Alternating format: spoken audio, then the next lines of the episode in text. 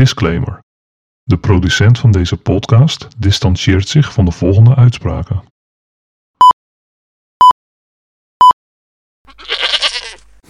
Nou, dat consumeren, dat doe ik niet voor mezelf. Dat doe ik voor jullie. Dat doe ik voor met je ons. hart. Even lekker met een knopje. Een klein Dus beetje. ja, ja, lekker aan de knopje draaien. ja. Zachtjes hoor. Ik heb vandaag even een eh, nieuwe aansteker. eh, Oh, dat klinkt wel als een Amerikaans kwaliteitsproduct, inderdaad. Ja, ja. Alleen je lucht, hè? ja Maar- meurt als een, als een oliebron, inderdaad. Maar, Ja. Oké, we staan aan. Mm. Nou, ja. goedemiddag. Dat is dan 1,50 euro alstublieft. Of is dat voor, voor de betaalmuren? Gaan we gelijk zo beginnen? Ja. Nee, ik vind het lastig om af te, af te schoppen. Want eh, Ja. af te schieten, hoe noem je dat? Af te trappen. Af te trappen, Ja. jezus. Ja. Heerlijk, helder, hyperinflatie. Daar drink ik er eentje op, lieve mensen. Ja, Proost. Proost, ja. Wat, wat zit jij daar nou weer te zuipen? Ik heb vandaag een eh, klassieke... Even kijken hoor. Schutterspils. Zo, tering. Ik heb, ik heb Bij gebrek aan een eh, goede sponsor. Maar Ja, ja nog die steeds zelf mogen zich nog dit, steeds melden, sponsoren. Ze moeten het zelf financieren, deze eh, biertjes. Zo, nou, zo, ja. Pino is er vroeg bij vandaag. Ja, vertel. Wat, wat is geld? Bij, bij het begin beginnen. Ja, dat is... eh, wat is een goede vraag om mee te starten? Nou, dit. Ja. Dat is nogal een, eh, een brede. Wat is geld? Ja, een ruilmiddel. Heel kort samengevat. Een ruilmiddel en een, een opslag van waarde en een rekeneenheid. Mhm. Ja, dat, dat soort dingen toch? Dat, eh, Ja, ja, ja, daar is in de, in de heel, heel geschiedenis kort samengevat. nogal veel verschillende vormen van geweest. Be- begon ooit een beetje met schelpen en zo. En, eh, en kralen en, en edelstenen.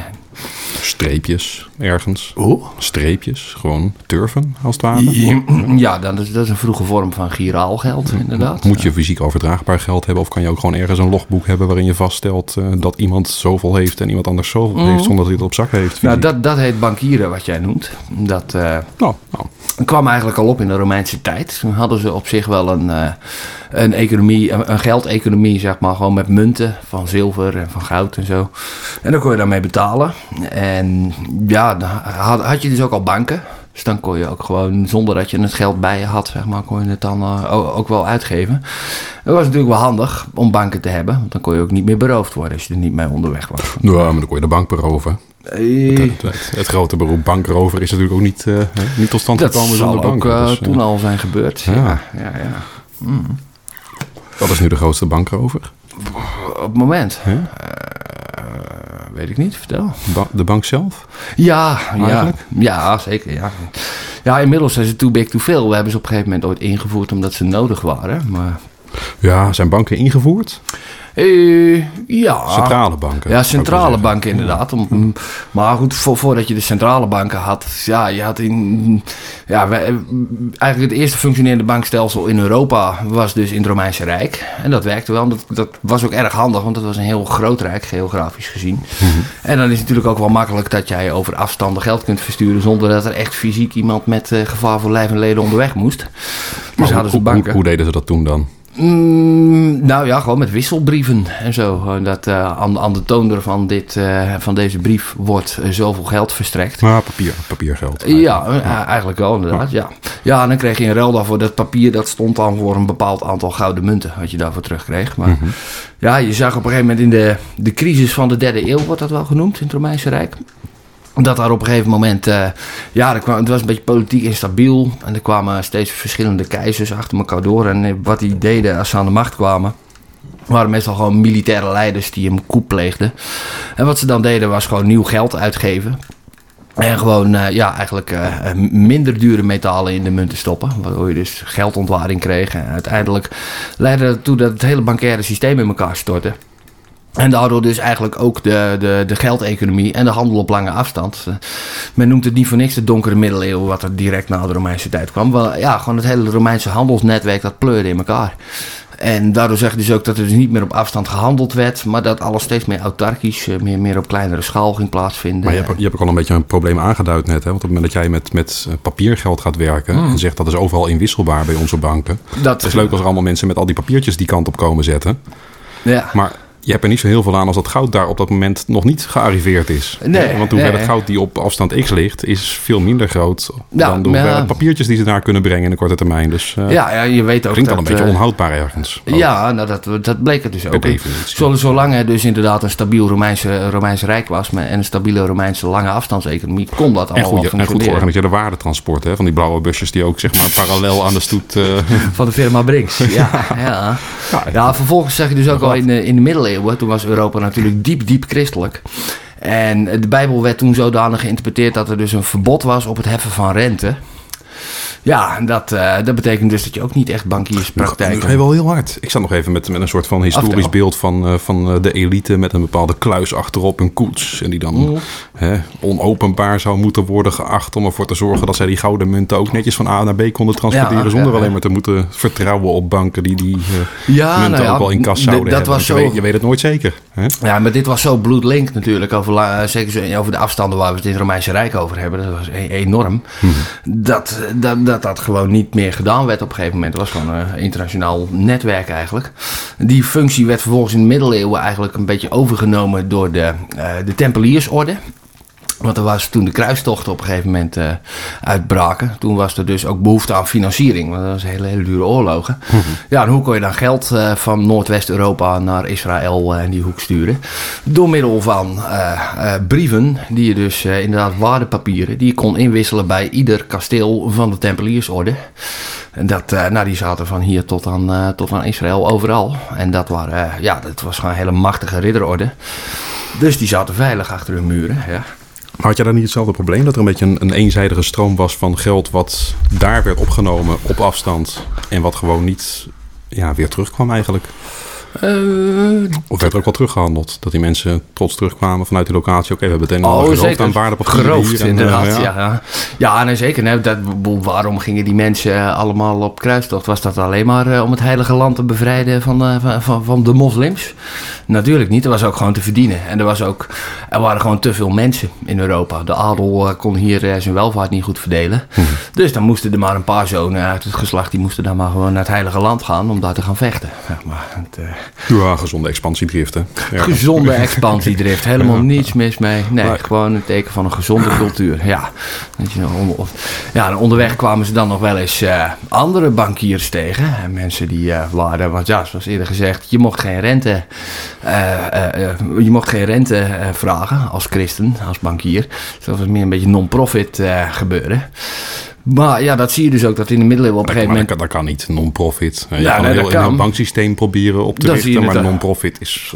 Ja, precies, dat kan- dat kan ook. rechtsom of linksom Ja, dat, dat, dat kan inderdaad ook niet. En daarom is het ook uiteindelijk allemaal, allemaal stuk gegaan, dat stelsel. Maar eh, ja, je zag dat de eerste verdere bankiers daarna in Europa, dat waren Joden vaak. Want die mochten verder toch niks. Dus ja, het enige wat aan, aan hen overbleef om te gaan doen, was bankier worden. En dat was ook wel handig, want in de Torah staat dat ze mogen elkaar geen rente rekenen. Maar je mag wel een ongelovige rente rekenen. En dat was eigenlijk wel handig voor iedereen. Voor die christenen, die konden daarmee dus van financiële diensten gebruik maken. En die joden hadden ook En een plekje. het voordeel is ook, je kan niet zomaar Jood worden. hè? Want dat zou heel mooi zijn. Van, dat je gewoon even vertelt van, oké, ik kom dit land binnen. Nou ja, ik ben Jood en ik ben bedreigd in mijn eigen land. En daarom vraag ik asiel Mhm. aan en een rentevrije lening. ja, toch mijn huis in mijn thuisland af kunnen betalen ergens. Ja, Eh, ja. Ja, nee, ja. Pff, Je zag wel. proost. Ja, dank je. Ja, ik kreeg er commentaar over dat ik niet te hard moest boeren in de uitzending. Dus ik probeer het een beetje. Ik kan het niet helemaal uitsluiten. Maar Als jij gewoon de burgerbeweging ernaast bent, dan eh, mag je de rest laten zitten. hij is fijn. Oh, oh, weer een bel. Ja.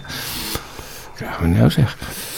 Geef een man een pistool en hij kan een bank beroven. Geef een man een bank en hij kan de wereld beroven. Ja, jezus. Oh, jij zit ook echt in de links-extremistische hoek, hè? Ja.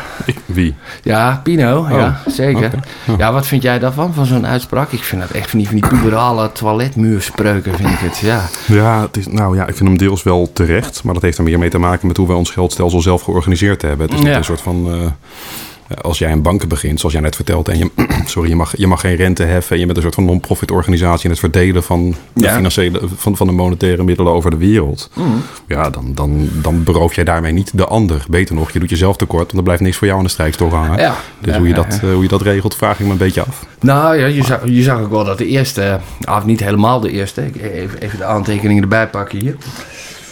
Het geschiedenisboekje wordt erop nageslagen. en ja, de, de eerste soort van centrale bank die er ooit was. Kijk, de belangrijkste. Kijk, banken waren vooral nodig om handel op lange afstand te kunnen faciliteren. Mhm. Dat je dus niet altijd geld mee moest nemen. En dat begon eigenlijk langs de zijderoute. En die liep dus vanaf de oostkust van China helemaal door Azië heen naar Noord-Italië vooral.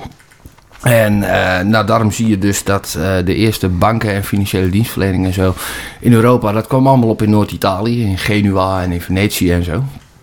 En eh, ja, zo werd in 1157 werd de eerste centrale bank in Venetië werd opgericht.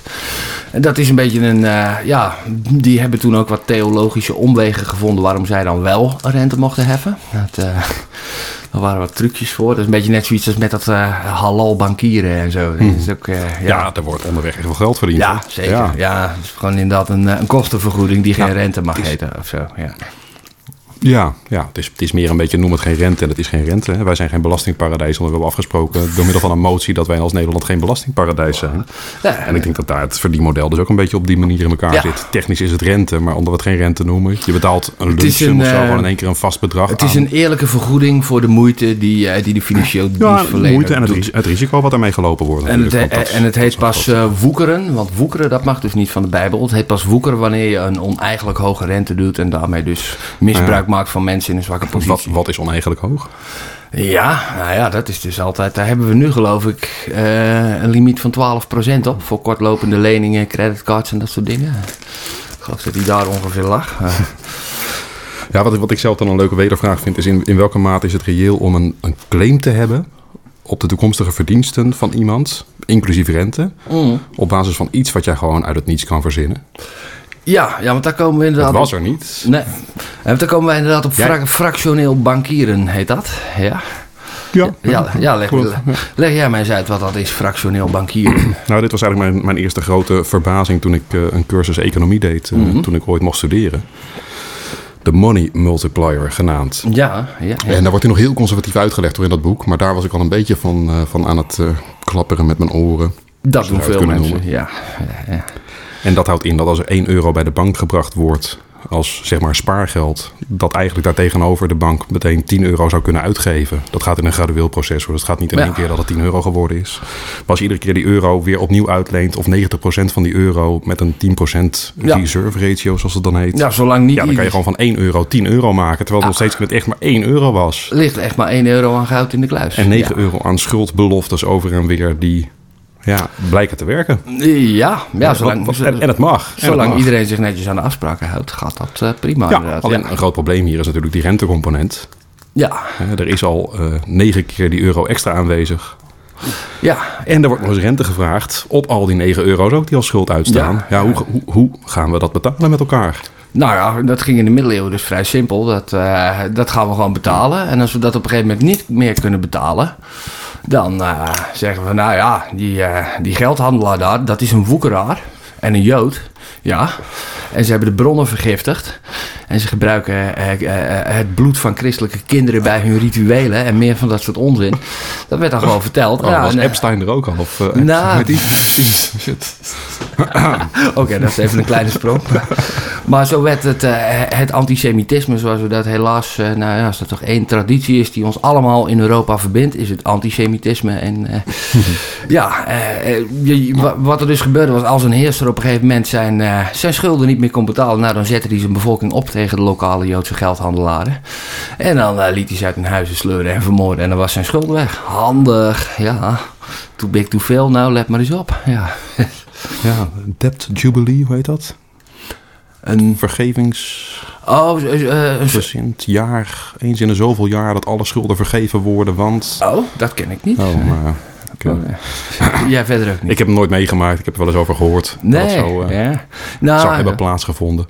Oké, op zijn tijd. Ja, het zou wel eens een keertje wat zijn. Om het systeem weer een beetje te resetten. Hè? Maar hetzelfde zou je Mhm. kunnen doen door een bankier gewoon eh, alles te ontnemen. Van welke afkomst dan ook. Maar eh, we zetten gewoon ja. één grote dikke streep door. Want het zijn allemaal valse beloftes over en weer. Nou, dat kan is... niet worden ingewilligd, dat want er is gewoon dus, te weinig. eh, dus laat maar lopen. We doen even alsof het niet zo was. En dat kan ook best. Zo kun je specul specul- speculatieve beurscrash kun je op die manier afwikkelen, inderdaad. Ja.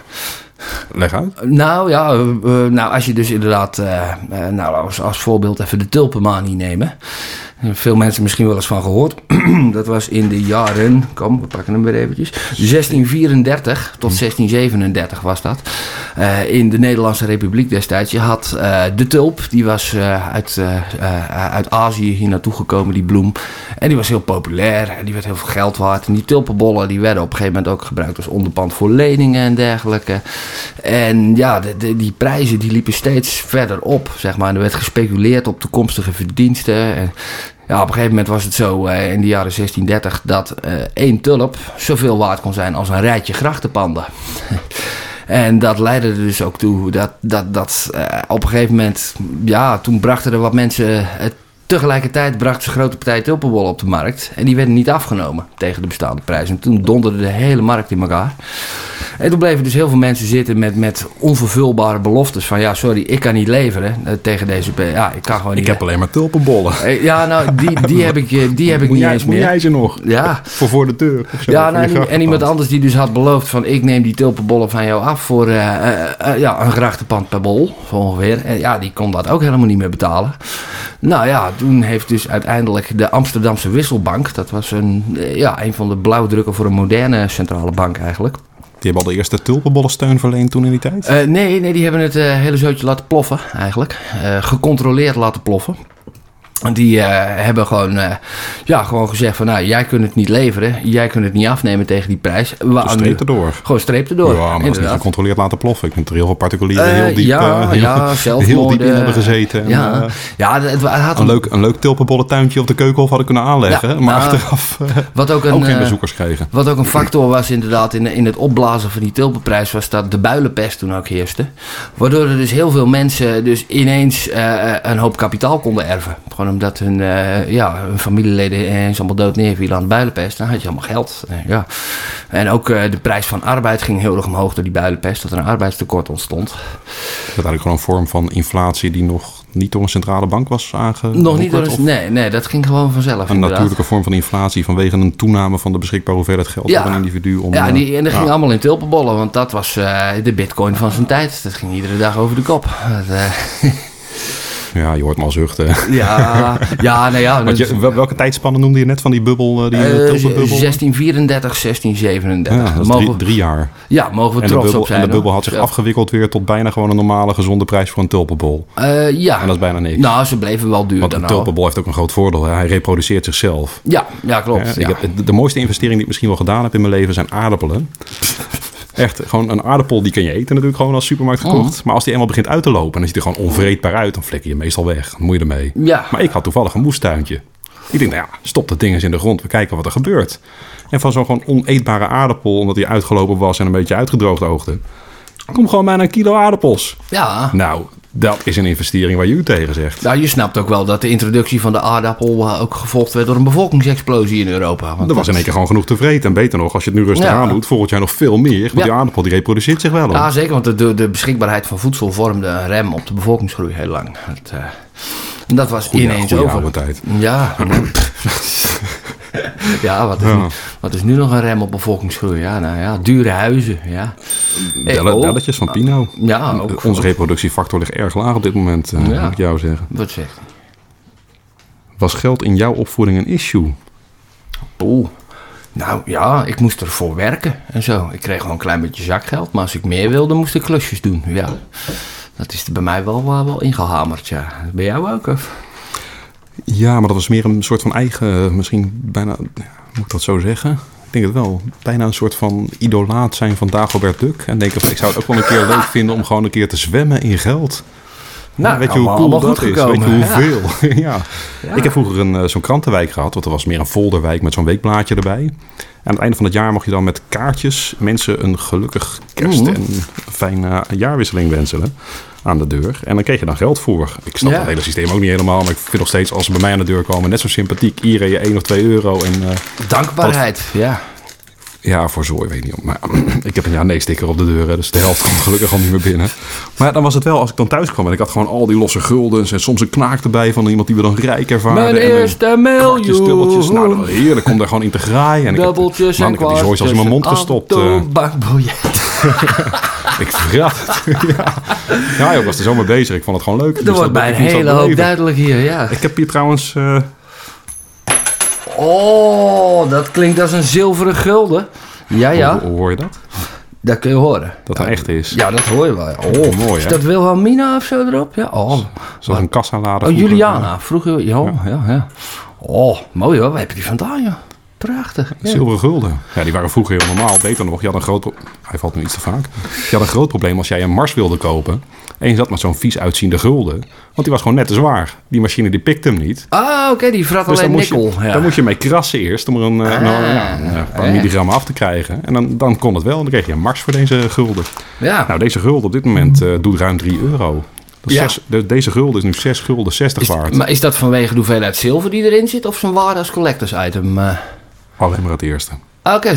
Alleen maar dus- vanwege de hoeveelheid oh, zilver oh, die in een gulden zat. Sowieso. 6 gulden 60 waard. Ja, ja want dat was, dat was hoe het vroeger was. Hè? Dat, eh, dat is iets dat is in de 18e eeuw opgekomen, heb ik begrepen. Dat, dat op... Nou ja, dat over de Romeinse tijd toch al met, eh, toen, met gouden en zilveren toen, toen en, was geld was goud, eigenlijk. Ja, en, en later kreeg je dus wel dat, dat gewoon private banken gewoon eh, ja, schuldpapier konden uitschrijven. En dus eigenlijk bankbiljetten en zo. Maar dat werd op een gegeven moment, om- omdat dat een beetje erg kon fluctueren, is dat vanaf de 18e eeuw en de oprichting van de Bank of England bijvoorbeeld ook, is dat steeds meer eh, gekoppeld geworden aan een metaal. Eigenlijk, om, om dus ook de, de schommelingen er een beetje uit te halen. Ja, maar ook om vertrouwen te wekken natuurlijk. Hè? Want Ja. als gewoon de hoeveelheid geld relatief beperkt is... Ja, dan weet je ook dat het daarmee een bepaalde waardevastheid heeft. Want er kan niet in één keer zoveel heel veel geld bij verzonnen worden. Die tulpenbollen die reproduceerden zichzelf, maar aardappels ook. ja. Ja, het geldsysteem reproduceert niet van nature zichzelf ook. Je stopt niet een tientje in de grond en je hebt een geldboom. hè? Nee, nee, nou ja, als je, hebt een tientje, je stopt een tientje in de kluis en je leent hem eh, tien keer uit. Ja, tot eh, twee mensen dat tientje komen ophalen. ja, tot twee mensen tegelijk een tientje komen Ja. ophalen, dan klapt de boel in elkaar. En, en dat is dus heel vaak gebeurd in, of nou ja, nou ja, dat gebeurde af en toe. In die tijden dat, eh, dat we nog geen centrale bank hadden. En dan ging zo'n bankier failliet en dan stond iedereen mooi te kijken. Ja. Alleen in tijden dat we geen centrale bank hadden? Nou, daarna ook nog, inderdaad. Maar die centrale banken die mitigeren dat risico een beetje. Want, eh, dat is waar ze voor zijn opgericht tenminste. Ja, ze, ze maken een bepaalde belofte die eigenlijk gewoon... In hoeverre het goud überhaupt niet beschikbaar is... maar die wel een dekking biedt als Ja. belofte voor de mensen die misschien Maar- in paniek raken... dat het allemaal onwaar is. Wat Precies, wat maar het, is dan zijn. niet een private bankier die jij op zijn blauwe ogen moet geloven, maar de staat die het dan garandeert. Dat is het idee van de centrale bank een beetje, toch? Indirect. Kijk, de, de- ja, in Amerika is mij de centrale bank wel echt gewoon een eh, private onderneming. Eigenlijk. Ja, ja, ja leg In eens- Europa, in Europa is het een beetje verweven met de oude centrale banken. En daar weet ik Ja. ook niet precies hoe die verhoudingen weer allemaal liggen. Nou, die zijn allemaal in principe onafhankelijk van de staat van het land waarin ze opereren. Op papier. Ja, maar het is wel een... eh, Want de ECB is niet onafhankelijk van, eh, van Griekenland en eh, politieke Italië invloed en, en, van ideologie en zo. Ja. Dat klopt wel, staatsschuldniveaus. Ja, en de, de- gaan we. proost. En ja, de, de, de Fed is volgens mij een volledig private organisatie. De Fed moeten we even uitleggen, is het Amerikaanse stelsel van centrale banken, zoals dat heet. Ja. Ja, dat is ook een stelsel van. Ja, Ja, ja, eigen... Ze hebben geloof ik 14, 14 subbanken in, in allemaal belangrijke economische regio's van Amerika die dan eh, samen dat stelsel vormen. Oké, oh, dat is ja. Dus Ja. anders dan in Europa, waar ieder, ieder land zijn eigen centrale bank had. En nu een soort van aandeelhouder is geworden van de ECB. Ja. Een nieuwe Ja, structuur. Oké. En die staat in Frankfurt en dat is niet voor niks, want vertrouwen is alles als het gaat om geldpolitiek. dus die kan maar beter in Frankfurt gemaakt worden dan in eh Milaan of Thessaloniki. Ja, of ja. zo. ja. Alles voor de vorm. Hè. Er zit ook een, eh, de euro heeft ook een eh, stukje goudkleurig metaal en een stukje zilverkleurig metaal. En ze zijn best wel zware munten in verhouding tot die, die gulden die je net hoorde. Ja, ja, ja. Ja, waarom is dat? ja, om vertrouwen te wekken. Ja, Ja, net- goudkleurig metaal. Ja, ja, glimmertjes. Daar houden we van, hè. Ja. Kijk, het, het ziet er schoner uit dan deze zilveren gulden. En dat zegt nou zelf, dat ding Mm. is wel echt gewoon een beetje geoxi- geoxideerd. Ja, ja, nee, maar een viezig muntje is het wel. Ja, ja, Zo. maar dat is wel een beetje het oude, ouderwetse idee van geld wat je ook had. Dat je, dat je het in je mond stopte als kind als je dan heel veel voor je had gekregen. Ja. En zo. Ja, en bij dit weerhoud je dat misschien nog een beetje van. Want ik denk van, dat ziet er smerig uit. Ja, ik vind het wel heel bijzonder dat jij eh Dagobert Duck een beetje als, als, eh, als held had. In, Apart, eh, hè? Ja. En dan socialist worden. En dan socialist worden. Ja, en ik, daar- eh, ik, ik identificeer hem altijd meer met de hardwerkende Nederla- eh, Dukstadbewoner. Of, Ja, Oftewel, nou, dat, maar dat is misschien wel precies Donald, het tekenen ook. Hè? Dat tekenende. Dat, het, dat het haar hardwerkende rechtse deel van de samenleving eigenlijk gewoon arm blijft. Want ze zelf niet doorzien wat er eigenlijk aan de hand is op het grotere plaatje. En dat de mensen die rijk wenst te worden zo doorziet dat hij het eigenlijk gewoon niet eerlijk vindt hoe we dat spel spelen. Mhm. Dat hij wel dat spel speelt, want dat hebben we nou eenmaal als speelbord voor me klaargelegd. Maar dat hij wel herkent, zo zouden we dat niet met elkaar moeten willen. Dus die wordt socialist om dit misschien een klein beetje een tegengewicht te geven. Ja. En de andere kant op te denken. Ja, oh, dat bel. Is-. Wat is dat spel dan?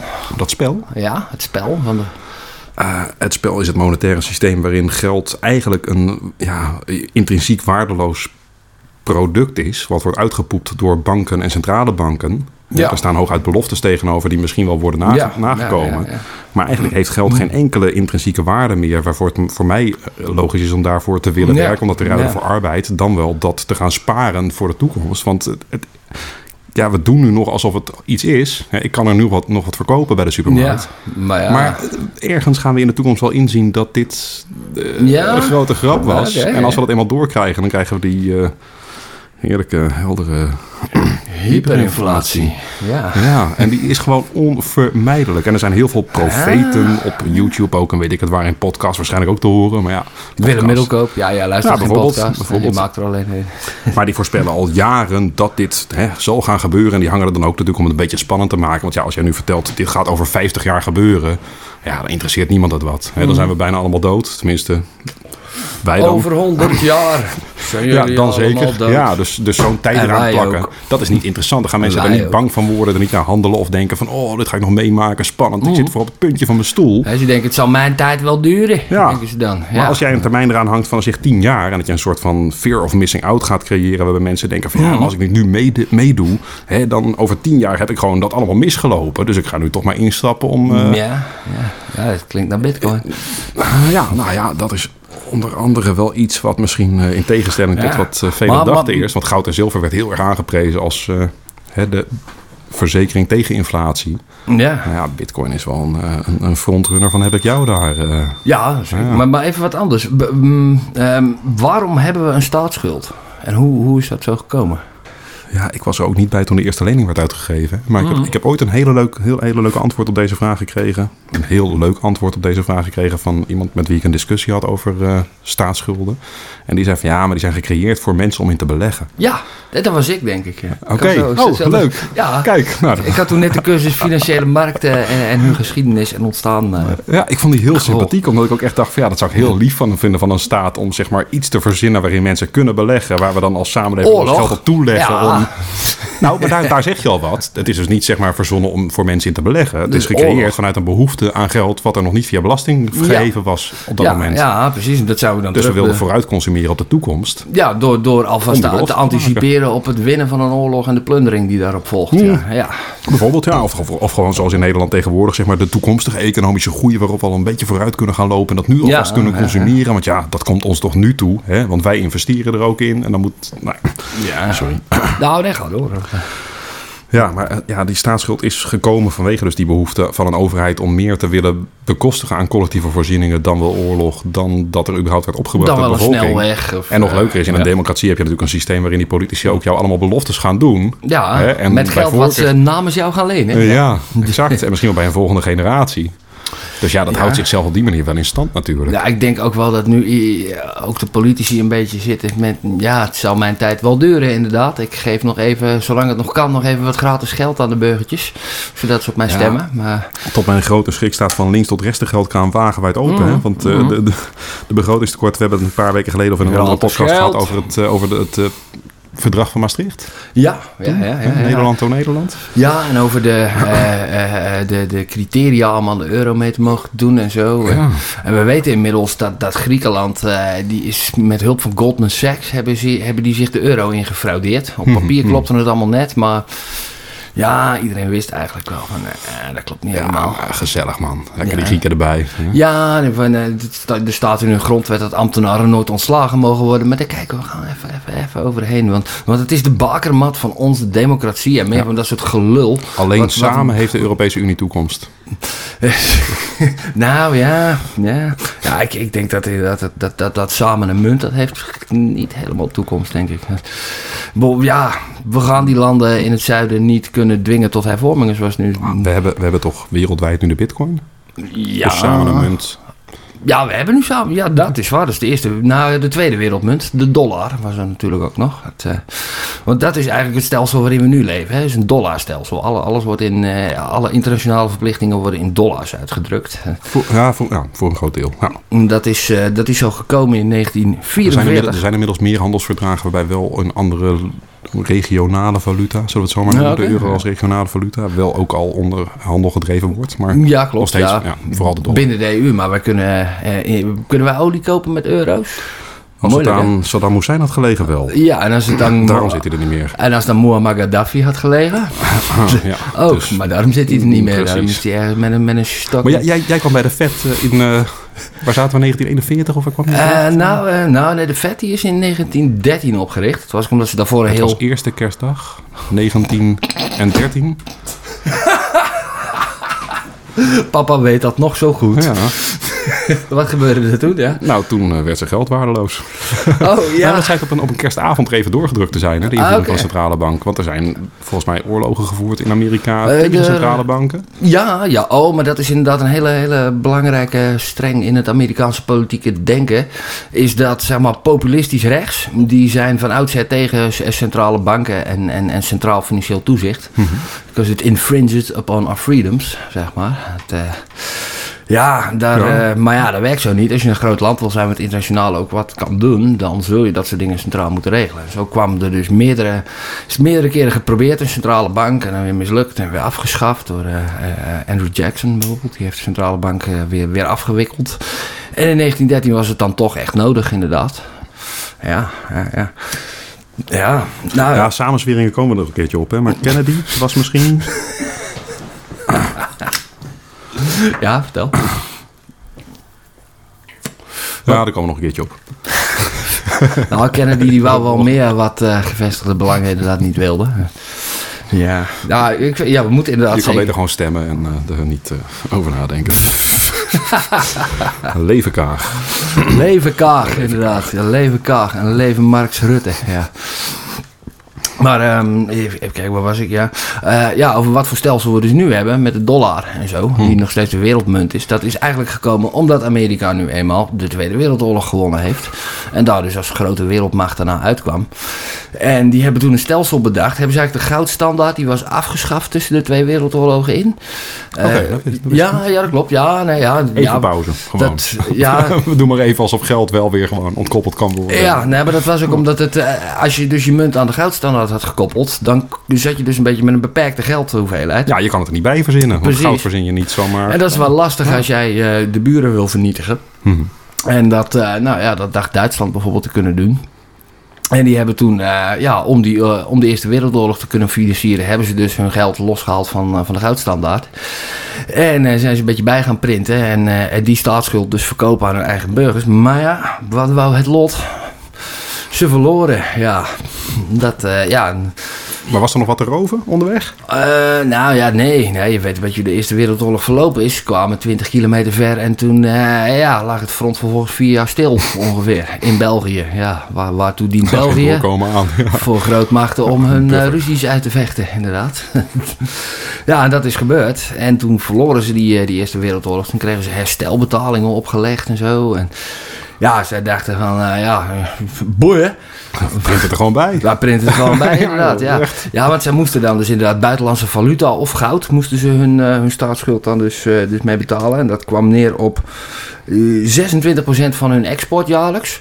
moesten ze als boete aan hun buurlanden gaan betalen. Ja, Nou ja, en toen, en toen kon dat op een gegeven moment niet. In 1922 hebben ze de betalingen gestaakt. Je betaalt als je werkt ook al eh, snel 33% boete aan de overheid om eh, te mogen eh, werken.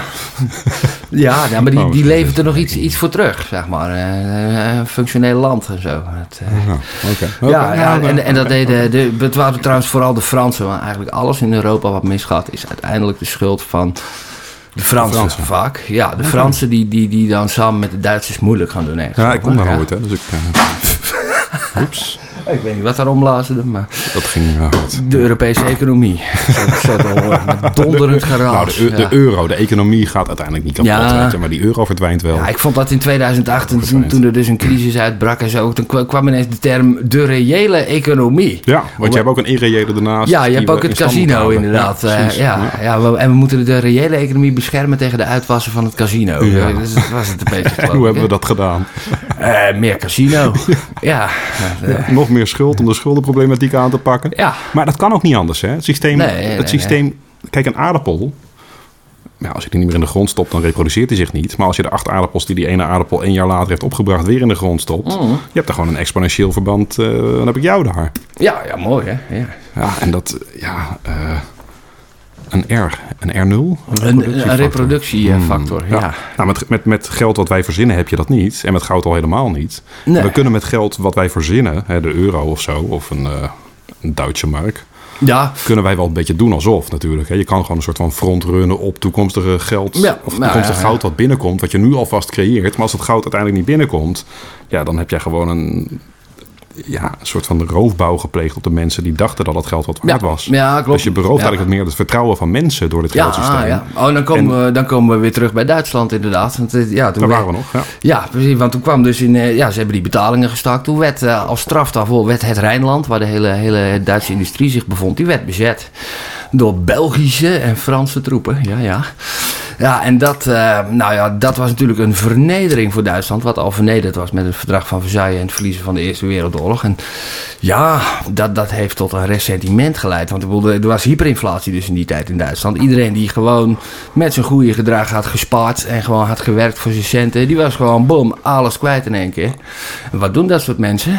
Die worden gevoelig voor nare mensen. ja. Ja, voor Maar ja, wat er ook aan de grondslag la- lag, was natuurlijk een soort van spaarzaamheid in een periode dat het moeilijk ging. Hè? Ja, Dus die, ja. die marken die verzonnen werden, die werden ook niet uitgegeven. Die werden Die werden opgespaard. opgespaard Ja. door mensen. En het probleem ontstond vooral een beetje toen die euro's wel in omloop... Of euro's. Mark. Ik loop alvast een beetje op de zaken vooruit, mensen. Een beetje, ja.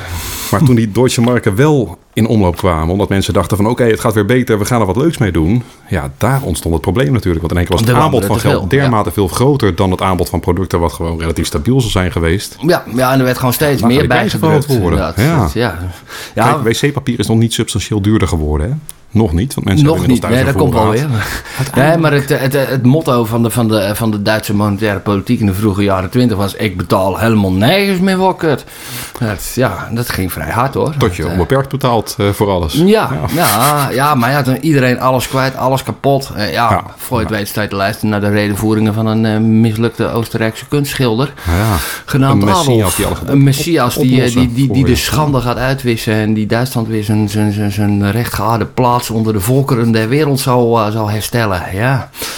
Ja, nou, en daarom zien we dus waarom, waarom er altijd een beetje zenuwachtigheid rondom monetair beleid hangt. Hè? Het, Waar? Nou ja, hier niet zo. Nee, wij geloven dat het allemaal heel goed gaat, toch? Ja, Toch? Ja. De, de meesten. Ja. Want ja, hebben, we, ja. hebben we dit alles meegemaakt? Kijk, heel sluipend is het permanent aanwezig, maar dat voel je niet zo. Nee, nee. Toevallig zag ik van de week op tv een, eh, een programma waarbij nog een oude menukaart naar voren werd gehaald. En dat was een, eh, een uitsmijter met eh, rosbief voor 2 gulden 75. En Ja. zelfs de dame die dat presenteerde zei er een beetje bij van... ja, nou, dit zijn toch een beetje irreële prijzen. Nee. Huh? Huh? Vroeger ja, toen je gulden... eh, eh, naar te kijken. Ik denk, wacht, wacht even. Wat er irreëel is, is dat die waarde van dat geld dus dermate hè, ja, lager is dan toen. Ja, zeker. Waardoor jij nu de beleving hebt dat je inderdaad eh, 28 euro voor een uitsmijter met rosbief zou moeten betalen. Ja, nou, want er is ook feitelijk... Ja, Nou, ik, ik, ik zeg 50 euro. Hè? ja, Ja, dat uitsmijter met kun je tenminste nog wat... eh wat de gek ervoor geeft, inderdaad. Ja. Anders die uitsmijter met rosbief over twee dagen ook niet meer te vreten natuurlijk. Dus spaar, nee, nee als spaarmiddel doet het als niet helemaal doet hij het niet helemaal inderdaad. Het is geen tulpenbol, nee. Nee, dus daar zit wel een, een leuk kenmerk van geld. Ook dat het wel hè, te bewaren moet zijn. Ja, duurzaam. Ja, net zoals goud van oudsher. Ja. Maar je ziet dus ook wel dat, dat na de Tweede Wereldoorlog, maar even, even weer terug op de geschiedenis. eh, je ziet dus dat gelaveerd tussen goudstandaard of niet. Eh, Vanaf 1944 kwam het, eh, het Bretton Woods akkoord. Daar deden 44 landen, maar een beetje de overwinnaars van de Tweede Wereldoorlog aan westerse zijde, deden er allemaal aan mee. Die zeiden, de- 44? 1944 is Bretton Woods opgericht, ja. ja. Ehm, toen ehm, werd eigenlijk bepaald dat de dollar, die is inwisselbaar voor goud. En alle andere grote wereldvaluta, die zi- zijn gekoppeld aan de dollar. En dat heeft, heel lang is dat goed gegaan. Ja, dat is de stabiliteit en Dat- voorspelbaarheid ja. waar je dus op kan anticiperen. Precies, en, Ja. en dat is gewoon de hele wederopbouw na de Tweede Wereldoorlog in het Westen. Is daarop eh gegrondvest, onder meer op, op die financiële stabiliteit. Mhm. Maar ja, dat systeem dat was ook maar afhankelijk van de Amerikanen. Uiteindelijk. En daarom ging Nou, het ook vooral mis. de, en vooral de belofte van de Amerikanen ook. Ja, ja, dat zij netjes met, eh, met, met, met die dollar om zouden gaan. Maar ja, toen niet, hadden ze de eh, Vietnamoorlog op een gegeven moment. En die moesten en zouden ze maar winnen. Ja, dus gingen ze steeds meer misstaatsleningen uitschrijven. En nog meer en nog meer. En daardoor kreeg je een, een, een hele grote ja, een vloei van, van dollars terug naar Amerika, zeg maar. Waardoor die dollar in Amerika steeds minder waard werd uiteindelijk. Ja, maar een, een, vloot terug naar Amerika, ze verzinnen ze daar zelf, toch? Of worden die do- dollars in Vietnam geprint en komen helaas weer terug nou, naar... eh nee, maar die in staatsleningen... Die, Vietnam die, gelaten, zou ik maar zeggen. en- ja, nou, die liggen daar ook nog gewoon eh, giftig te wezen in, eh, in rivieren en zo. Ja, maar het is meer een beetje dat hoeveelheid geld is er dus verzonnen, al zij het door staatsleningen, wat ook gewoon een vorm van geld is natuurlijk. Ja, ja, ja. In de winkel iets moeilijker uit te geven. Ja, oh, een bel, een bel. Dwars door me heen. Wat is het laatste wat je gekocht hebt en wat was daarvan de prijs? Eh, vandaag? Of gewoon een product wat niet in de supermarkt uh, Duur, duurzame consumptiegoederen. Vandaag natuurlijk bier gehaald te zitten hier. Dat kan niet, dat kan niet. Ja. Oh. Wat was de prijs hier? Van 2,19 euro voor een eh vierpakje, allemaal van liters, dacht ik. Nou, eigenlijk Ja. geen geld, hè. Nee, dat is geen geld. Nee. Nee. Maar, het Daarom, daarom heb ik nog geld. maar het laatste van waarde. Ja. Laatste van waarde. Ja, ik, ik, ik, ik heb serieus vorige week eh click en collect bij de Action gedaan. Zo. Ik had eh, wat nodig. En dat was eh, fietsverlichting. Ah, Ja, want die, die avondklok eh, niet naleven is één ding. Maar zowel... onverlichte avondklok. ja, dat kan Ja, allemaal in niet eerste instantie val je iets minder op. Maar later ben je toch wel harder de lul waarschijnlijk. Ja. En helemaal als je net vijf voor negen zonder verlichting wordt aangehouden... dan zeg je, ja, maar meneer, de avondklok. Dan zegt hij ook waarschijnlijk van, ja, fuck you. eh, Hier heb je een boete. hier heb je een boete. Ja. En vijf minuten later kom je de volgende tegen, net voor je dit uit bent. Dus ik dacht van, nou, ja, ik ga even bij de Action langs voor... eh, maar dat mocht dus niet. Dus ik heb even click en collect gedaan op de website. Ah, ah. En ik heb er even drie kilo mest bij gehaald. Gedroogde koekorrels en, eh, Ah, oké. Zo, en, was, en wasmiddel. Zodat je jouw moestuintje kunt doen vermeerderen en jij hier echte waarde kan creëren die, die waardevaster is dan de euro. Want die, aard- nou, die, aarde- die aardappel rendeert gruwelijk. Dus die gaan zeker Ja. de grond in eh, over een maandje. Ja, ik zie hier ook En spruiten. sperziebonen, jongen. En, en bloemkool zie ik. Nou, dat nog Of niet. uh, bloemkool, eh boerenkool Ja, was het, hè? Ja. Ja, ja. Mooi spul hoor. Echt Hollander. Ja, kijk, als, als de pleuris Nu uit, nog, nu nog een geit. als de pleuris uitbreekt, dan ben jij er wel, eh, ja, kom jij er wel goed af. Dan kun- kun- komen mensen gewoon hun jongste dochter verhuren voor, eh, voor, voor een beetje uit jouw tuin. Ja, Ja, wat is geld, hè? Ja, wat is geld? Ja, Dan kan je met je euro's zitten op dat moment. Maar als de euro eigenlijk gewoon waardeloos geworden is... en je hebt gewoon een aardappel in je grond zitten... Ja, Ja, nou, zie je maar eens te kopen van iemand voor euro's tegen die ja, tijd. ja, zeker. Ja. Ja, Ja, het, la- la- laatste van, ja, het laatste wat ik van waarde kocht, dat zijn auto-onderdelen, geloof ik. Het, eh, ja? Kan je Ja. daar nog wat mee als het eh, eenmaal de pleuris uitgebroken is? nou, ja, ja, je bedoelt... Als die, Kom, kom je er weg mee, zeg maar? Eh, nou ja, stel dat iemand achter op mijn auto klapt en ik mag het wrak houden, dan kan ik er nog wel wat onderdelen uitschroeven en weer verkopen, inderdaad. Dat wel, ja. ja. Een bel. Oeh. Wat heb jij te ruilen tegenover de groente van Sjaak? Mij dus. Ja. Ja, nou ja, mijn eeuwige dankbaarheid. Die auto... Oh ja, oké. Ja, ja, ja. Ik heb nog een, eh, nog een oliefilter van een Fiat Sargento. Als jij mij belooft dat je een goudstandaard onder je dankbaarheid hebt liggen... dan eh, komt het er bij mij wel in. Nee, nee, is helemaal niks waard hoor. Nee, het, eh, zolang de voorraad hier strekt. en nu. ook. Ja, ja. Hij bloeit niet eens in de zomer. Wat, wanneer bloeit een tulp? Lente. Eh, nou, eh, dat heb ik dus ook vandaag geleerd. Dat een tulp, eh, die heeft zeven jaar nodig om tot volle wasdom te komen. En voor het eerst pas eh tulpenbollen te gaan maken. Ja. Oh. Ja, Oké, dat is wat anders dan een aardappel. ja, ja nee, maar als je hem helemaal hebt, dan kun je hem wel vermeerderen inderdaad. Maar, Zeven jaar. ja, ik weet nog dat... eh, dat Bijbels hoor. ja. ja, ik weet nog dat een vriendin van mij uit Duitsland, die, die, die vertelde heel, Eh, ja, alsof ze mij iets nieuws vertelt. Maar wist jij dat je tulpenbollen ook kan eten? Ik zei, oeh, het begon wel een beetje moeilijk te kijken inderdaad. Doen jullie... Maar oma heeft nog een heel receptboek in de kast. Ja, ja, inderdaad. Doen, doen jullie dat dan ook? Eten jullie ook tulpenbollen? Ik zei, nou ja, in de winter van 44, 45 wel. Maar sindsdien doen we dat vanwege jullie, doen we dat niet helemaal meer. Nee. Ja, dat, nee, maar dat doe ik altijd wel hoor. Die, die moffen er wel op blijven wijzen wiens schuld het allemaal is. Ja. Dat, eh, nee, niet de Joden, jullie. Ja, laat het even duidelijk zijn. Ja, maar dat is misschien ook de reden dat die tulp... Want die tulp schijnt best goed eetbaar te zijn. Hè? Ja, de aardappel is ja, eigenlijk ook gewoon best wel een smaakloze bol. Misschien voedzamer dan een tulp. Ja, Maar ja, qua ja. reproductiefactor is die... Oké. Laten we het over... eh, maar ik vond het zelf wel een leuke, weet je. Want er is dus wel een soort van vorm van natuurlijke rente eigenlijk in, in de Ja, natuur. ja, ja, ja. De reproductiefactor van ja, bepaalde planten en Plus dieren is groter dan en aandacht. die ene die het, eh, de input levert. Ja, zeker. En in het geldsysteem hebben we dat dus niet van nature ingebakken. Omdat wij ja, goudstandaard, zilver als een soort van Ja, eh, een beetje, ja, sidebed eh, hebben gebruikt. hoort ook een beetje bij het oude idee over, over, over economie. Dat, dat noemden we in de vroegmoderne tijd het mercantilisme. Dat was eigenlijk het idee van, van de verschillende vorstenhuizen en, en, en staten die je toen had. Van nou ja, de economie is gewoon een taart. Een bepaalde taart. En dan kunnen we allemaal om vechten om ons stukje van de taart te vergroten. Maar de grootte van de taart, die staat vast. Dat was het idee. Ja, terwijl eigenlijk tegenwoordig weten wij dat je Door technologische ontwikkeling. je, door technologie en dat, dat wij gewoon de taart van ons allemaal groter kunnen maken. En dat het zin heeft om dat samen te doen en een grotere markt eh, op die manier op te zetten. Ja.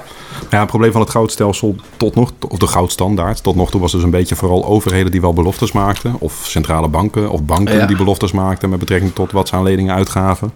Die gewoon eigenlijk niet waar werden gemaakt, keer op keer. Nee, Ja, dus het nou- koppelen van het dollar aan goud. Het ging een poos lang goed. Die was daar verantwoordelijk voor trouwens. eh, zo'n Frans, eh, zo'n weer, toch? Of niet? Eh, die ergens Ehm, de bom onder de...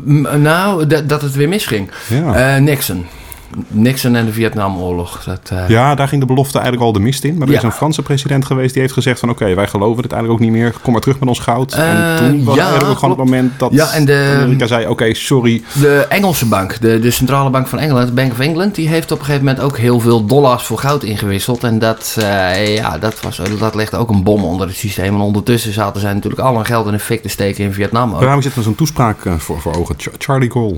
Charles de Gaulle. Charles de Gaulle. Gods- Oh, dat echt wat voor hem inderdaad. want Die moest helemaal niets hebben van alles wat uit Amerika kwam. Zelfs Engelsen had hij een hekel aan om die reden. Eh, Nou, hij had wel een punt.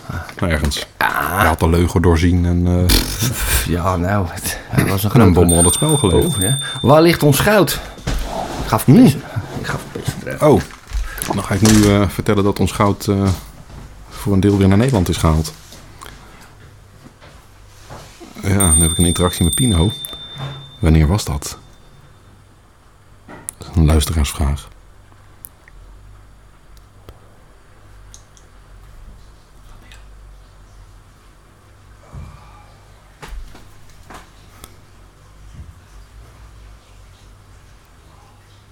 Ja, gooi er maar een geit overheen. Waarom? Wanneer?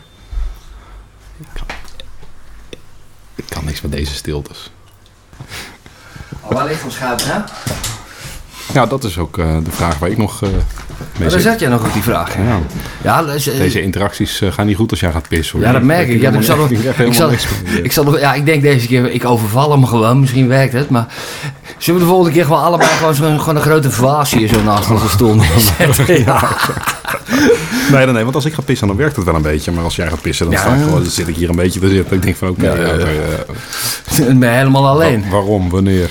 Moederziel alleen. Dan denk je van, haat ik maar wat, wat, wat ook is, kijk, wij- iemand om mee te wij, wij, praten. zitten, wij zitten ook ergens in een bubbel hè, hier. Want ik zit jouw stemgeluid nu Mm. direct in mijn brein binnen te laten komen door die, eh, door die koptelefoon. Dat is heftig hoor. En als, als dat weg is, dan is het ook gewoon echt stilte. En dan kan ik Pino naast mij bezitten die eh, aanwijzingen geeft. Maar dan zit ik ook een beetje als, ja, maar er gebeurt verder in mijn bubbel helemaal niks. Weet je? Dus oh, een bel, een bel. Wa- waarom is dat goud teruggehaald? Want ik, ik weet dus dat het na de Tweede Wereldoorlog of in de Tweede Wereldoorlog, omdat de moffen kwamen en we wilden het in veiligheid brengen, is het allemaal naar de VS eh, is het overgebracht. En omdat wij de VS vertrouwden en zij de, de hoeksteen van ons financiële stelsel na de Tweede Wereldoorlog, ja.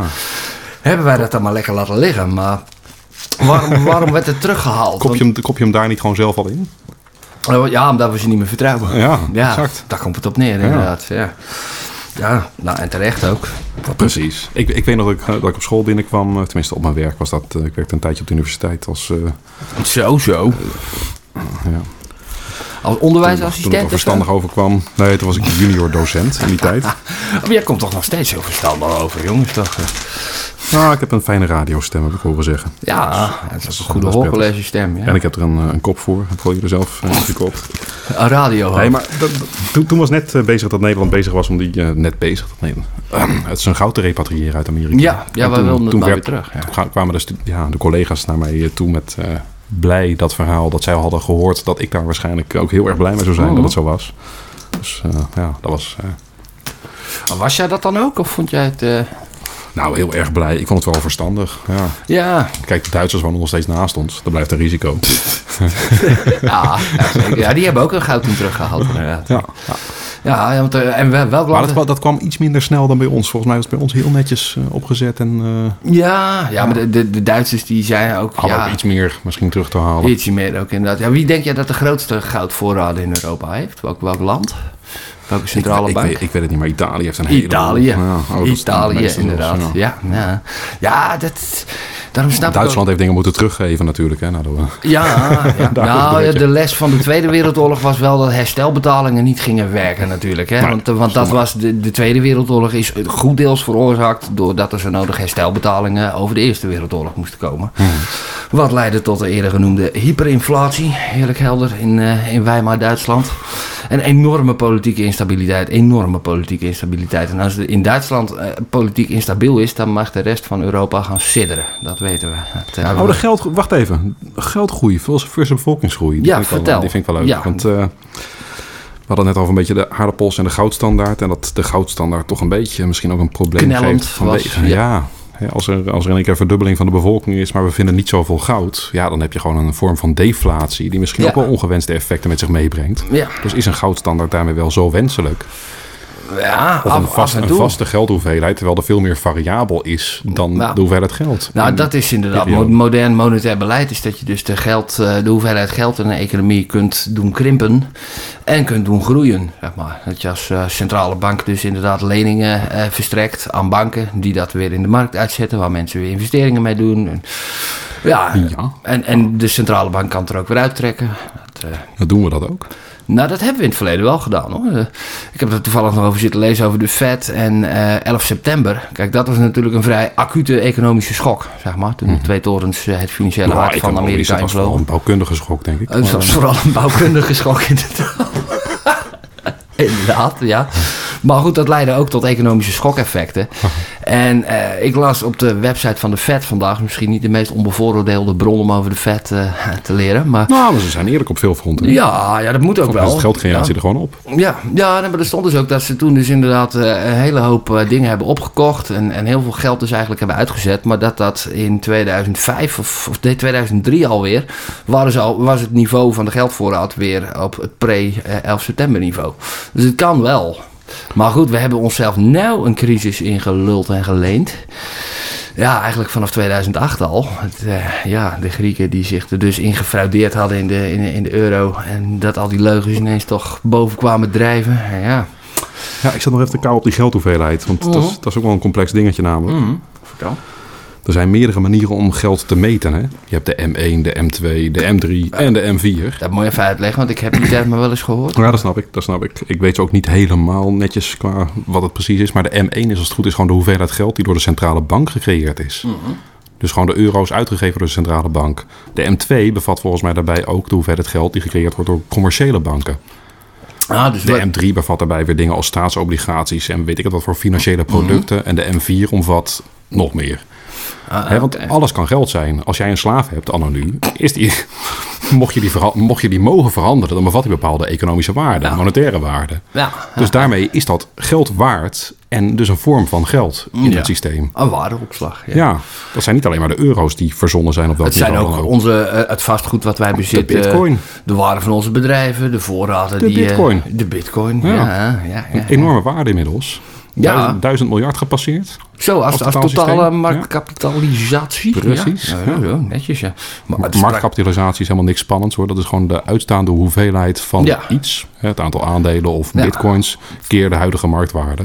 Het is niet zo dat er zoveel geld ingestopt is, nog zoveel geld uit te halen is. Ja, en als je naar de marktkapitalisatie... Gewoon een simpele berekening. marktkapitalisaties van verschillende eh, fondsen gaat kijken, dan krijg je ook een beetje een beeld van wat een, wat een spelletje, wat een raar casino-kapitalisme we eigenlijk hier hebben opgezet. Want bijvoorbeeld Tesla, eh, om maar eens een bedrijf waar ik graag op haat te noemen, eh, die, maken, die, die, die maken zeg maar in een jaar. Nou, die verbranden geld hè. Eh, die verbranden vooral geld, maar die, die, die hebben een marktkapitalisatie. Die is groter dan, dan, de, eh, de, de, ja, eh, dan de eerste drie autofabrikanten van de wereld. Zeg maar. die, die autofabrikanten die maken voor de lunch om tien uur s morgens op maandag meer auto's dan Tesla in een jaar. En toch is Tesla veel meer waard op de beurs. Gewoon omdat Ja. mensen erin geloven en er geld in gestopt hebben. Maar dat is een hele belangrijke factor. Mensen geloven erin. Hè? Want hyperinflatie ontstaat ook natuurlijk doordat mensen vertrouwen in geld ja. Verliezen. Of in het geldsysteem wat je dan hebt, een valuta. Ja. En in Tesla zit er dus een bepaald geloof in de toekomst. Ja, ja ik, denk, eh, dat, ik denk dat Tesla over een paar jaar weg is. dat maar- noemen. De verwachtingswaarde van een euro is voor de meeste mensen toch wel van... oh, dat wordt over termijn minder waard. Weten nog, of vooral, ik krijg er geen rente op. Dus ik, Nee, we krijgen geen reden. Ja, en dat is ook heel erg slecht aan het monetaire beleid wat we nu hebben. Want we doen eigenlijk in zekere zin. Eh, op een iets mildere vorm doen we wat in Duitsland tussen de twee wereldoorlogen ook gebeurt. Er wordt niet beloond als jij gewoon braaf spaart en hard werkt en eh, centjes opzij zet. Want dat infleert langzaam weg. Het huidige stelsel is leuk als je schulden hebt. Ja. Ja. Want die eh, ja, schulden worden weggeïnfleerd. Want dat is de enige mogelijkheid die er is om uit deze monetaire waanzin ooit nog te ontsnappen. zo. Nee, zelfs dat niet.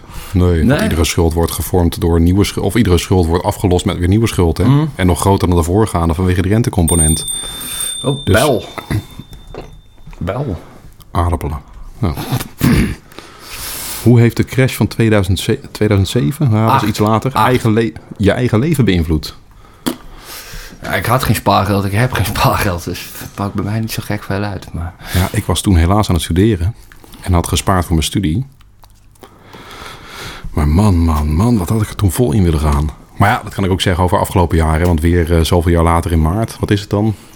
Elf jaar later in maart hadden we weer zo'n crash. De corona-crash. ja, Die ging iets minder dieper door de benen. Herstel was ook sneller en forser. ja, ja, ja. We staan nu bijna tegen de, hè, de hoogtepunten van, eh, van ooit aan. Beter nog, Amerikaanse beurzen staan op nieuwe hoogtepunten. Ja, dat vind ik ook zo raar. Dan, dat- dan dondert de hele economie gewoon echt acute vraaguitval die je gewoon kunt zien als je om je heen kijkt. Gewoon lege winkels en zo, en kroegen waar je niet in mag.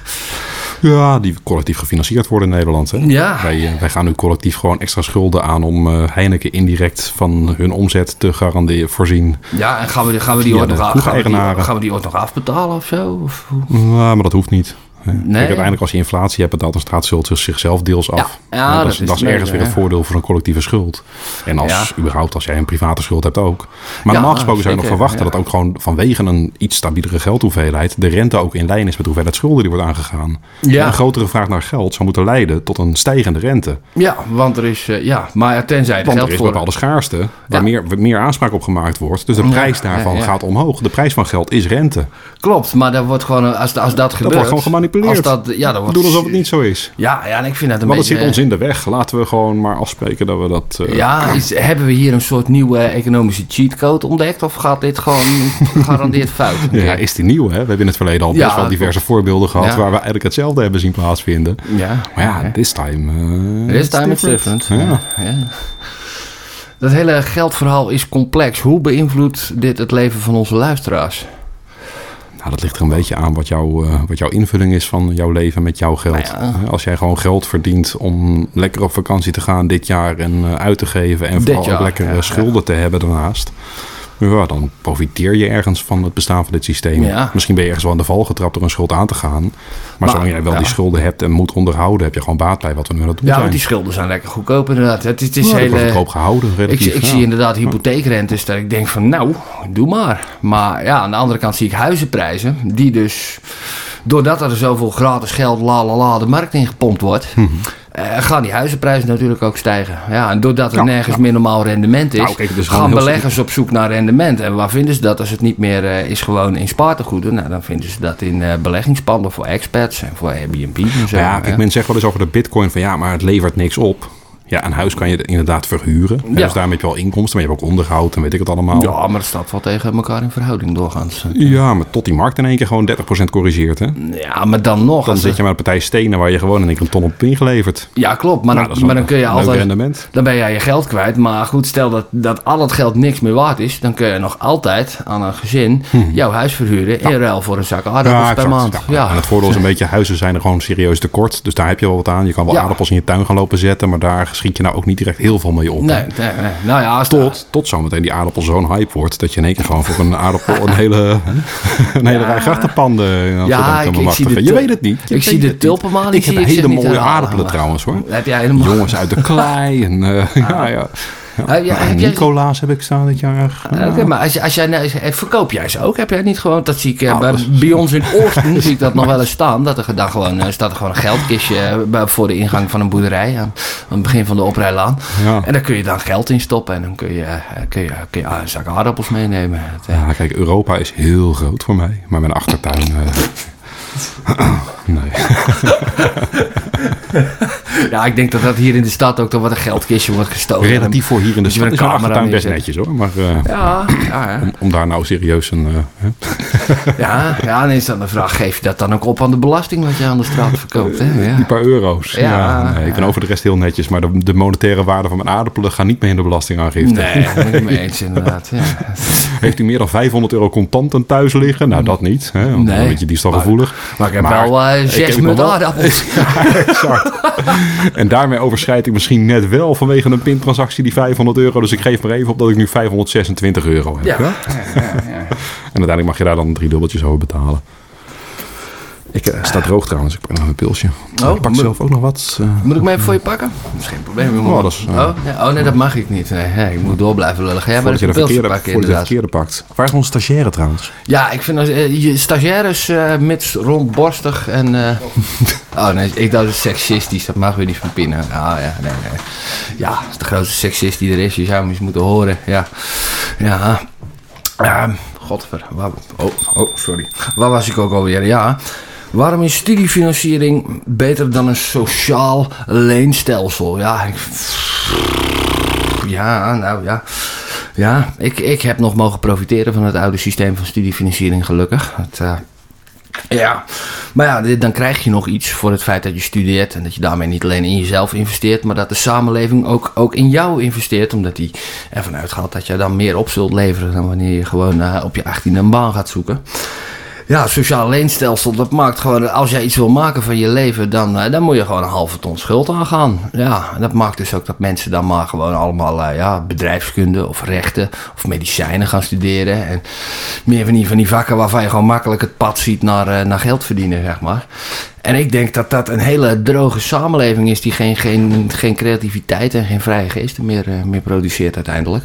Eh, ja, genderstudies ook zoiets inderdaad. Het, ja, nou ja, het sociaal leenstelsel helpt wel tegen uitwassen van de wetenschap als genderstudies, denk ik inderdaad. Want daar, is geen duidelijk pad om daar geld mee te verdienen, inderdaad. Eh, ja, misschien, en dat was misschien ook wel voor een deel een beetje de, het, het idee erachter. Maar ik vind het gewoon de zelfontplooiing. Kijk, ik heb ge- geschiedenis gestudeerd gewoon omdat ik daar meer over wilde weten. En omdat ik dacht dat ik daar een geestel- in geestelijke zin een rijke mens van zou worden. Niet in monetaire zin.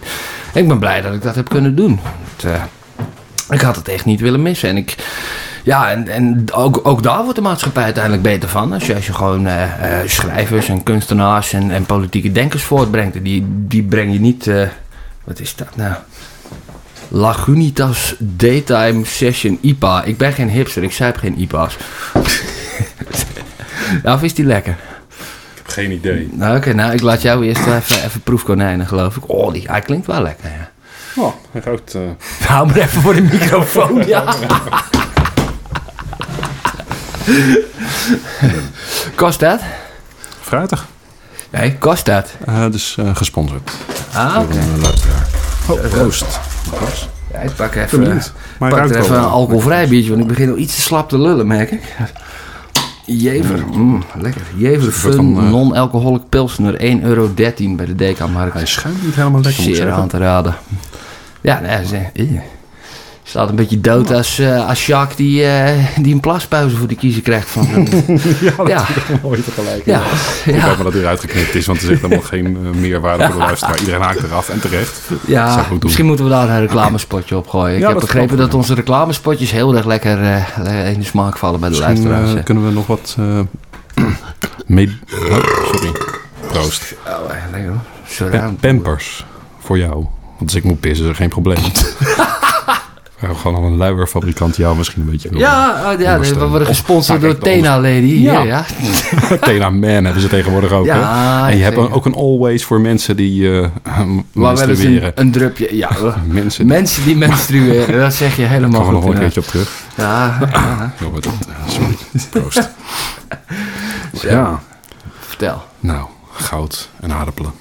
Nee, ja, we, za- we zaten wel een beetje op het spoor dat we bij de goudstandaard wel, eh, wel voelden dat dat net niet haalbaar is Ja. vanwege hè, Vanwege het feit dat aardappelen zich reproduceren. Ja, maar aardappelen ook gewoon weer vergaan en net te snel reproduceren. Misschien verhouding tot de Ja. geldhoeveelheid die we nodig hebben. Maar hoe gaan we dat oplossen dan?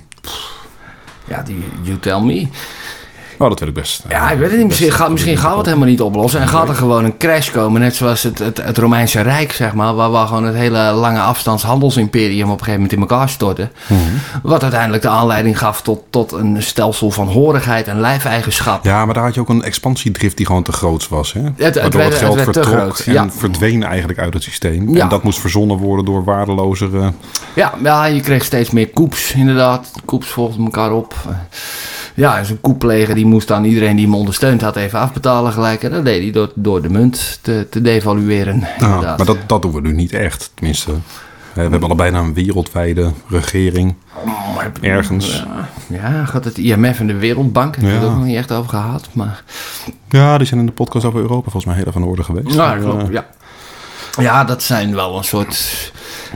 Ja, hoe zeg je dat? Eh, Wat, wat is, wat is het wereldgeld? Weet je dat trouwens? de dollar nog steeds. toch? Ja, maar Ja. er is wel een laag boven verzonnen zelfs weer door het IMF. Oh, dat weet ik niet. Vertel. Special drawing rights. Oh, die ken ik niet. Die worden dan weer gedekt, wat natuurlijk een nieuwe laag aan beloftes is, met eh, dollars, tegenwoordig zelfs de yuan erin. Oh, met een mandje aan munten. Exact, Ja, ja. precies. Ja, ja. Ja, om het weer semi-stabiel te houden, maar dat is ook wel uh, nou ja, want, aan de wissel. want wij laten onze munten dus fluctueren Hij en is zo. lekker trouwens hoor. Ik adviseer hem Ja, wel. Hij is is eh, lekker fris en fruitig. En ik, ja. De Lagunitas Daytime. Session IPA van de dat is Lagunitas Brewing Company uit Petaluma, California. De tering er Over alles.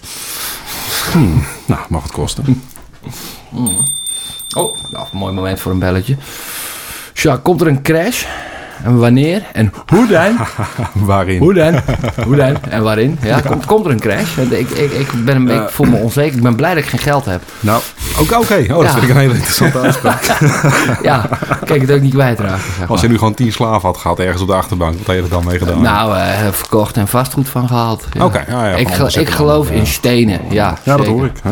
Ja. ja, ik vind het vervelend aan stenen. Het behoeft onderhoud. Hè. Kijk, die, die ene gulden die ik hier heb liggen, drie, drie euro waard. Ja, die, die, ja, Ja, maar die ik- behoeft ook wel enige onderhoud trouwens. Die, die zouden moet- best wel heel mooi worden. uit kunnen zien. Ja, maar ik denk als er een kernoorlog komt of, of een of ander extinction event waardoor de mensheid ineens helemaal gedecimeerd wordt. Ja, gaan ze dan nog eh, voor, voor glimmend, je gaat lekker uit. gaan ze dan nog wat geven voor glimmend goud? Of eh, zonnevlam kun je dan, of kun je dan de- beter aardappels hebben wederom? Ja. Het Tegen die tijd, ja, ja zeker. Beter, beter aardappels. Ja, Ja, toch? Ja. of stenen. Ja, dan kun je iedere maand een zak aardappels krijgen. Ja, kijk, het, het, het verhaal een beetje van de Amerikaanse preppers is vooral wapens. Hè, want uiteindelijk kan je alles zelf Ja. op, opslaan. klopt, maar als je ja. gewoon bij mensen langs kan gaan die dingen hebben opgeslagen en je krijgt het wel mee. Ja, hebben we, nog adv- Eh, hebben we nog beleggingsadvies voor onze luisteraars? Ja, wapens en munitie, dus ja. Ja, nee, nee, ja, nee, dat adviseer ik dus niet. Want Oké. ja, uiteindelijk zijn het dan misschien een paar overwinnaars. Maar die, dat zijn ook wel de mensen die dus eigenlijk er niet voor zorgen dat we met elkaar het überhaupt eh, gaan overleven. Hè? Ja, dit is een beetje het... Alleen eh, samen is dat, zeg maar. Samen voor ons eigen, ja. Ja. Het, het, het tragische verhaal van de Afrikaanse bevrijdingsbewegingen. Dat, komt uiteindelijk de macht komt toe aan degene die het beste schieten kan. Maar niet omdat hij nou zo'n goede bestuurder is, vervolgens. Nee. Ja, Nee. ontwikkelingshulp moet ook nog een keer een aflevering over doen trouwens. Dat is leuk. Het is wel een beetje out of your comfort zone, begrijp ik. Maar Ja? Ja? Nou, ja, of dat- niet? ah, Nee? ah, Zo ah, ja. mee hoor. Pino, Pino kent me ook. Nou. Ja. Ik zie Pino een beetje moeilijk kijken. Die voelt zich moeilijk bij ontwikkelingshulp. Spannend. Maar die distancieert zich sowieso gewoon wel we zeggen. Dat is ook het grote succes wat wij misschien ooit gaan worden. Dat eh, heeft hij zich al Daar lang heeft hij ook niks mee te maken, gedistanceerd. inderdaad. Nee, dat, Dus, eh, allemaal, eh, die krijgt ook geen groepies. Nee, onder toeziend oog van. Dat is ook het enige. die groepies die houden we lekker bij ons. Dat is wel onherroepelijk. Je mag je aanmelden als groepie. Ja. Maar we hebben dus eigenlijk gewoon... antwoordnummer. Ja, als stagiaire. Mag ook nog. Ja, zeker. Ik heb mijn 06. eh Ja, hij heeft dus niet, helemaal niet zo'n radiohoofd. Hè? Dat Bij die stem hoort ook gewoon nog een man verder. Hè? Ja. Oké, dankjewel. dankjewel. Dus. Ja, we kunnen dus eigenlijk niet onder een centrale bank uit. Is de conclusie. Nee, zonder centrale bank eh, ben je aan de Volvo overgeleverd. Eh, dat wordt gewoon een bende inderdaad. Ja?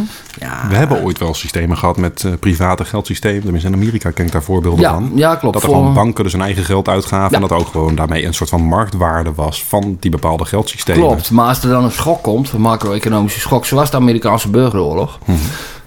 ja, dan zie je dat heel veel ineens niet meer gedekt wordt.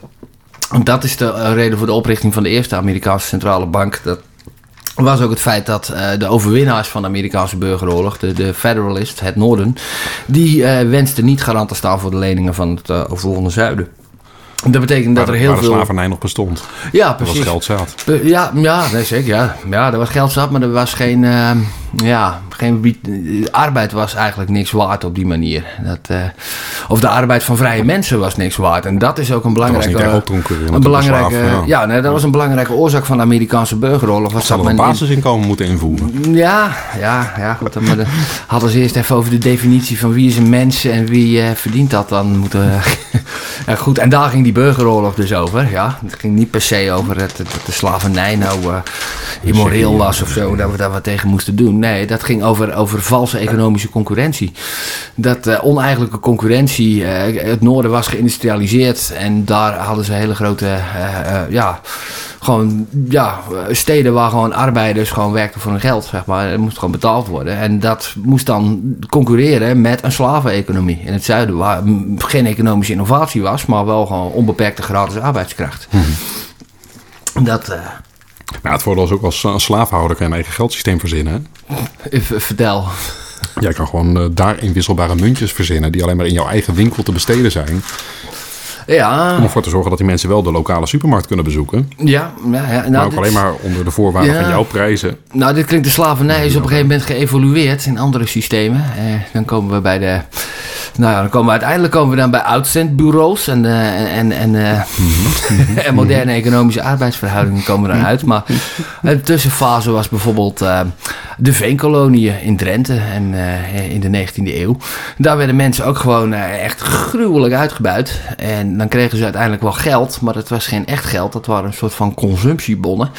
Die ze dan alleen bij eh, de, eh, de lokale kruidenier die eigendom was van ja, de, ik verzon hem niet zelf. Hè? Ja. Ik verzon hem niet zelf. Nee, Nee. nee, nee. Anders was ik natuurlijk eh, heel rijk geweest. was je heel rijk geworden. Ja, dat was ook, de kroeg in zo'n veenkolonie. Die was ook eigendom van de veenbaas. Ja, zo... zo, zo Dat is ook wel sympathiek, want je hebt daarmee wel bepaalde voorzieningen gecreëerd voor die mensen ook. Hè? Dat had ook Ja, zonder gekund. Arbeid die ze, ja, eerst arbeid creëren die zo Sorry, erg is sorry, dat ze alles willen vergeten. Ja, ja. zei, hoor. Ja, Onmenselijk. Ik denk dat, men, men- ik denk dat iedere rechtgeaarde Drent nu, eh, nu, nu, zijn hooi voor kan zoeken is in de schuur om op te rukken naar Oude jou. zijn we kwijt. Ja, oh, dat zijn geen Drenthe, dat zijn Twente. hè. Echt, ja, je bent ook echt zo'n westerling, hè? Buiten de provincie. hè. Ja, is buiten de provincie, dan eh, snapt meneer het toch eh, niet meer. Nee. dat probleem hebben meer mensen hoor. Een bel. Moet, moet dat dan? Eh, kan een land failliet? Zo, nou dat is wel een... eh, vraag, vraag het de Duitsers. Ah, ja. ja, maar wat is failliet hè? Ergens. Zolang je jezelf je eigen geld kan drukken. Eigenlijk Ja. ergens. Ja, maar als jij Failliet gaan is een afspraak. Ja, dat Kijk, ook. banken zijn op papier misschien ook failliet als het normale bedrijven zouden zijn geweest. Ja, maar we... Want ze hebben meer schulden uitstaan dan ze voor eigen vermogen hebben of bezittingen Ja, hebben. en dat gaan ze eigenlijk nooit kunnen, terug kunnen betalen door een eigen... Maar dat hebben we dus ook bij landen. Spelletje. Argentinië is een keer of wat failliet gegaan. Ja, het kan wel. Maar de les is dat je er doorgaans niet zo goed vanaf komt. Tenzij je Duitsland heet. En Duitsland is in 1923, 1932 en 1945 failliet gegaan. Mhm. Ja, maar failliet gaan, wie heeft dat bepaald? nou ja, de, de, de schuldeisers. Uh, ja, Duitsland zei, wij kunnen, eh, ja, sorry, wij kunnen dit echt niet meer betalen. En, uh, als jullie dat wel van ons eisen, dan gaan we... Schieten. ja, nou, dan, gaan, nou, dat was geloof ik. nou, dan moet je oppassen, want voor je het weet loopt er inderdaad een mislukte kunstacademie-student uit Oostenrijk hier ineens weer de aandacht te trekken. Ja, dat... en dat Oké, okay, dus wij werden gewoon bang gemaakt voor de binnenlandse politiek potentieel in dat land, mochten ja, wij sancties hebben. Ja, zeker. Ja, want Du Duitsland is, is, is net niet groot genoeg om zijn buren te overheersen, maar wel groot genoeg om het te willen proberen en, en daarbij heel Europa in de as te kunnen leggen, inderdaad. Dat, dat, hebben ze eigenlijk ook gedaan. Ik, ik, ik weet nog met, met de, ja, de laatste keer dat er in Europa dus vervolgens een, een staatsfaillissement aan de orde was, dat was Griekenland 2008. En Wolfgang Schäuble, de minister van Financiën van Duitsland, toen, die heeft toen echt wel de duimschroeven aangedraaid. En, en ik dacht een paar keer van ze gaan Griekenland de euro uittrappen. Yes, eindelijk. Dan hebben we eindelijk die stok gehad, achter ja. de deur tegenover veel grotere, belangrijkere landen zoals Italië, Spanje, Frankrijk. Dan hebben we dan eindelijk van kijk, kijk wat er kan gebeuren als jullie niet hervormen. Ja. En dat, kijk die Grieken dan leggen creperen inderdaad. Nou, misschien nog erger. Kijk wat er nu gebeurt, aangezien we niet hervormd zijn. Hè? Zelfs Nederland houdt zich aan begrotingsregels. Klopt, we doen allemaal maar wat. En, en het blijft maar doorgaan uit. met de transfers naar het zuiden. Nou ja. hebben we weer dat, dat coronafonds en zo. Ja, het zijn, het zijn nou de Polen en de Hongaren die dwars liggen om dit tegen te houden. En dat snap ik ook wel. Dat we daar onze hoop op hadden moeten vestigen. Ja, nou, dat, dat, nou, dat moesten we wel vaker in de Europese geschiedenis. Hoor. Het zijn de Polen en de Hongaren ja, die de Turk voor de poorten van Wenen hebben, hebben verslagen. Dat, en dat is best belangrijk. Ja. Maar ja, die, die, die landen die zeggen nu ook in, in, in Oost- en Midden- en Oost-Europa van ja, moeten wij nou gaan betalen voor landen als Griekenland en Italië? Die zijn rijker dan wij, omdat zij hun, hun centjes niet, uh, niet meer geld om kunnen gaan. Moeten wij dat dan betalen? Nou, vooral waarom verkoopt Italië niet gewoon een deel van de goudvoorraad? De ja, ja. Ja. ja. Ja, waarom neemt, neem, van... nemen de Italiaanse huishoudens niet een deel van de schuld van de staat over? Nou, ik denk dat een deel van het probleem ook wel een beetje is dat die goudvoorraad die bij Italië zeg maar, op de balans staat van de centrale bank eigenlijk op papier ook eigendom is van de centrale bank van Europa. En dat eigenlijk dus het verkopen daarvan ook weer een deel van de dekking van... Hè. Ik geloof dat die centrale banken zijn op zich onafhankelijk hoor. Ja, maar er is geen dubbeltelling qua dekking of überhaupt een dekking die op meerdere niveaus nee, maar dienst doet als Er is geen voor. dekking, het is geen officiële dekking meer. Dat het is geen officiële dekking. Het ligt er nee, gewoon een beetje... balans, het staat wel op de balans ja. inderdaad, van kijk wij zijn en land, op een balans heb je toch tegenover de ene zijde ook... Uh, de kredietwaardigheid van Italië hangt voor een deel natuurlijk af van het feit dat ze genoeg goud in de kluis hebben liggen. Ja. En dat het noorden nog wel economisch renderen wil. Dat, uh... Weer een bel. Uh, kan ik mijn staatsschuld laten kwijtschelden? ah, nee, toch? Nee. Ja, nou ja, kijk, Nederland is binnenkort geen soeverein land meer, dus wij kunnen ook uh, niet zoveel meer, want we hebben deze. Maar hebben weer een hele aflevering over gehad laatst, hè? Oh, sorry. Ja, soevereiniteitsafdracht op bepaalde beperkte beleidsterreinen niet betekent dat je als land geen soevereiniteit meer hebt, betekent juist dat je, dat je meer macht krijgt. Ah, je hebt en daardoor soevereiner kunt dus, opereren. Nee, nee, zeker. Nee, nee, ja, wederom een coming out van deze VVD. Ik heb op omzicht gestemd en ik schaam me helemaal nergens. Ah, respect. Ja, respect. toch. Ja, daar kun je toch wel op stemmen op die man. Ik, uh, ja. ja. ja, Ik hoop alleen dat hij nou, ja, ik hoop alleen dat hij het overleeft.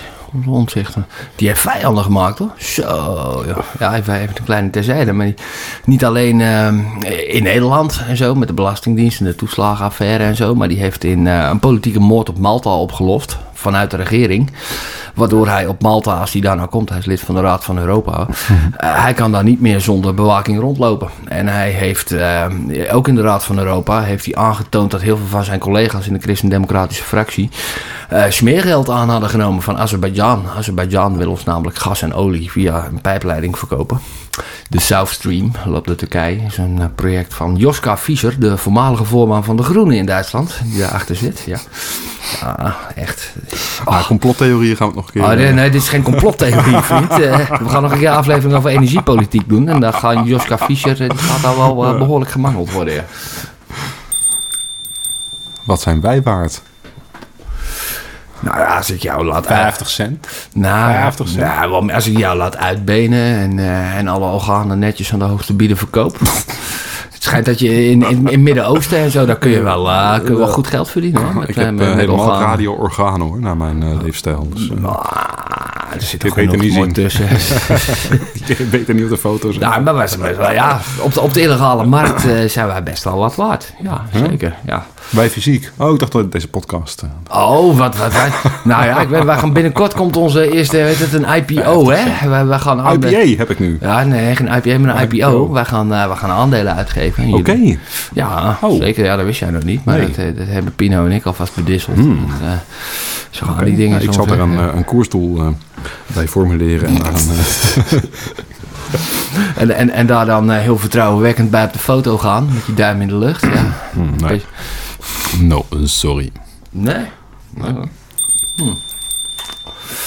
Wat is bitcoin? Ja.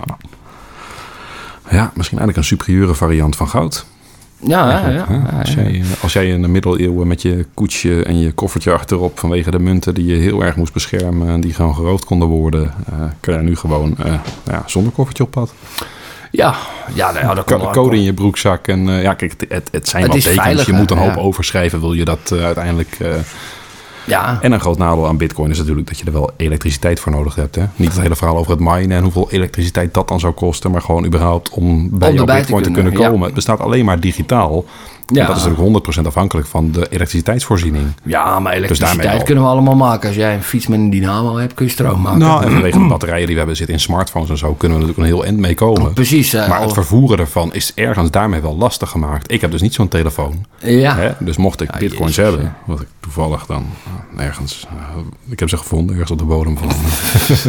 Diep in de zee. ja. Diep in de Nee, maar die kan je dus niet zomaar ergens uitgeven als je mijn telefoon hebt. Mijn mobiele telefoon. Nee, het is veiliger dan, eh, dan euro's, wat dat betreft. Ja, dat bedoel ik niet eens. Ik kan er dus gewoon eens bij op pad. Want Nou, ik heb ze ergens in een code ergens eh, opnieuw op de bodem van de oceaan gelegd. Ja, hoe geef je dat dan weer uit? Met een smartphone kan je ze beschikbaar hebben en dus ergens uitgeven. Ja, QR-code, ja, ja. gewoon netjes overmaken. Ja, er zijn dat heb ik dus niet. Dus ik, ik kan er niet mee op pad. Terwijl, hè, ik heb deze gulden. Ja, die kan ik gewoon meenemen. Mensen zullen denken, van, oh, dat is oude gulden, dat is leuk. Maar die is wel 3 euro waard. Ja, Als iemand ja. dat gelooft en die zegt van, nou, dat snap ik. Dan wil ik best gewoon iets voor 3 euro voor verkopen. Dan krijg je gewoon een grote zak friet Kan voor een gulden. het- ja, exact. Ik kan een transactie doen ergens op afstand met dit ding in mijn zak. En Ja. met die bitcoin kan ik dus helemaal niks ergens. Nee, maar het is ook nog niet zo ver dat je... Ja, je kunt wel een pizza eh, afrekenen met bitcoin toch inmiddels? Ja, ja, makkelijk. Ja. makkelijk. Maar ja, thuisbezorgd kan ik alleen maar via mijn laptop dan gaan regelen. Die hele code Ja. erbij pakken, overtypen. En, eh, Ja, ik vind het wel grappig dat de mensen in het begin... Ideal te- wel prettiger hoor. Ja, ja. Ja, dat is trouwens... eh, Ach man, ik kom ook wel eens in andere landen. Ja, ik wel. Eh, en dan, dan valt me wel Hebben ze ook op- euro's tegenwoordig? Hebben ze ook, Andere landen. hebben ze ook euro's tegenwoordig. Maar bijvoorbeeld als je in Duitsland in een restaurant of zo... dan kun je meestal niet eens met pin betalen, joh. Alles moet cash daar. Oké. Ja, ja, en zoiets als Ideal, dat bestaat nog niet. En, en DigiD, dat, nou, DigiD-achtige dingen, dat, eh, er zijn bepaalde gemeentes nu een proef mee aan het doen. En zo. Eh, Dat is echt... Ja, maar ja, bij ons liggen alles op straat. Hè. Dat is misschien ook wel verstandig van die Duitsers. Mm. Ergens. Ah, nee. nee, het is gewoon, gewoon in financiële zin een middeleeuws land. Heeft de euro toekomst? Eh, nou, Even. de, de vraag is vooral hoe lang. Ja. Ja, ja geldstelsels donderen eh, allemaal een keer in elkaar uiteindelijk. Ja. Maar ja, En dat zou niet hoeven. nee. Oh, hoe dan? Hoe dan? Nou, door gewoon een bepaalde intrinsieke waarde te koppelen aan of er vooral in te stoppen. Hè? Want op deze munt die ik nog steeds in mijn hand heb, is lekker warm aan het worden. Viezerik. Viezerik. Nee, maar die is nog steeds 3 euro waard. En, en dat, dat geeft dus iets aan waar we eigenlijk gewoon afstand van hebben gedaan vanwege een bepaalde expansiedrift op monetair Ja, niveau. ja, we willen meer geld creëren dan we überhaupt aan waarde creëren of zo. Of vooral, hè, want dat is een beetje het punt, we wilden meer geld creëren dan we al als zilver uit de grond konden halen. Ja, dat is al heel lang geleden. Ja. Maar de zilverhoeveelheid, als we, nu, als we nu opnieuw zilveren munten zouden gaan maken, dan zou de zilverprijs gruwelijk omhoog gaan. Want er is gewoon relatief weinig zilver meer over. Zilver Ja. wordt opgebruikt ook voor een deel. Ja, heeft ook toepassingen. Ja. Ja. en al dat geld wat, of al dat zilver wat ooit in geld zat, is voor een heel groot deel gewoon op de markt gekomen. Als zijnde ja, zilver wat weer opnieuw verkocht kon worden en In computers gebruikt. gestopt kan worden. Ja, Zo, computers, zonnepanelen. Ja. Oh, moet daar ook zilver in? Ja. Ja, daar schijnt best wel wat in te zitten. Het zit zelfs een deodorant tegenwoordig en zo. Hè? Dus eh, zilver flikkeren we overal maar in. Ja. En dat is niet terug te winnen zilver hoor. Tenminste in zonnepanelen misschien wel. Maar daar zit wel weer een prijskaartje aan verbonden. Wat misschien hoger is dan het, eh, het Ja, dat is nog wel een probleem hoor. Want als jij nu eh, zegt, hoi, ik heb hier een paar oude zonnepanelen, er is geen afvalverwerker die ze aan zal nemen. Dat, eh, Dat is echt een probleem. Nou, dan Ja. moet die zilverprijs, als er, ik weet niet hoeveel zilver erin zit hoor, maar als die zilverprijs maar hoog genoeg is, dan... eh, Dan gaan er vanzelf wel. Afrikaanse kindertjes eh, gewoon die Ja, dingen in een exact, grote gaan we pot stoppen en smelten. die zeecontainers en, exporteren en ergens aan de kust neerflikkeren. Nou, Maar- nee, maar dat, dat is wat er nu gebeurt, hè? Afvalhandel. En dan gaan ze gewoon printplaten gewoon, gewoon smelten. Ja. In een pot op een vuur. En, ja, daar zit goud in. ja, en daar komt dan een heel klein beetje goud uit. En heel veel kankerverwekkende rook vooral. Maar, ja, dan gaan we eens kijken. In Abidjan, in die voorkust. Daar, daar doen ze dat. Massaal. Misschien ja. ook mede daarom niet op vakantie buiten de provincie. ja, nee, daar, Ja, ga je, dat- dat daar gaat de gemiddelde toerist ook niet naar kijken. Terwijl het wel de realiteit is, hè? Ja, nee, Maar er gaat wel een cameraploeg naartoe. Ja, Ik heb beter gewoon achter je eigen beeldbuis gaan zitten en eh, hè, televisie.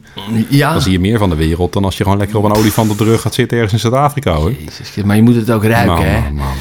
Dat, dat, dat, dat buitenland, dan is het veel echter. Wow, door televisie. Is het tijd voor tijd of een timecoin? Eh, linkse praat weer van die Pino. Ja, ik kijk er nou van, weet ik veel. Ja. Dus lees ook maar op wat er op het blaadje staat. Oh ja, shit. Ja, Uitgekoud format. hè. Ja. Loopt, het loopt zo lekker.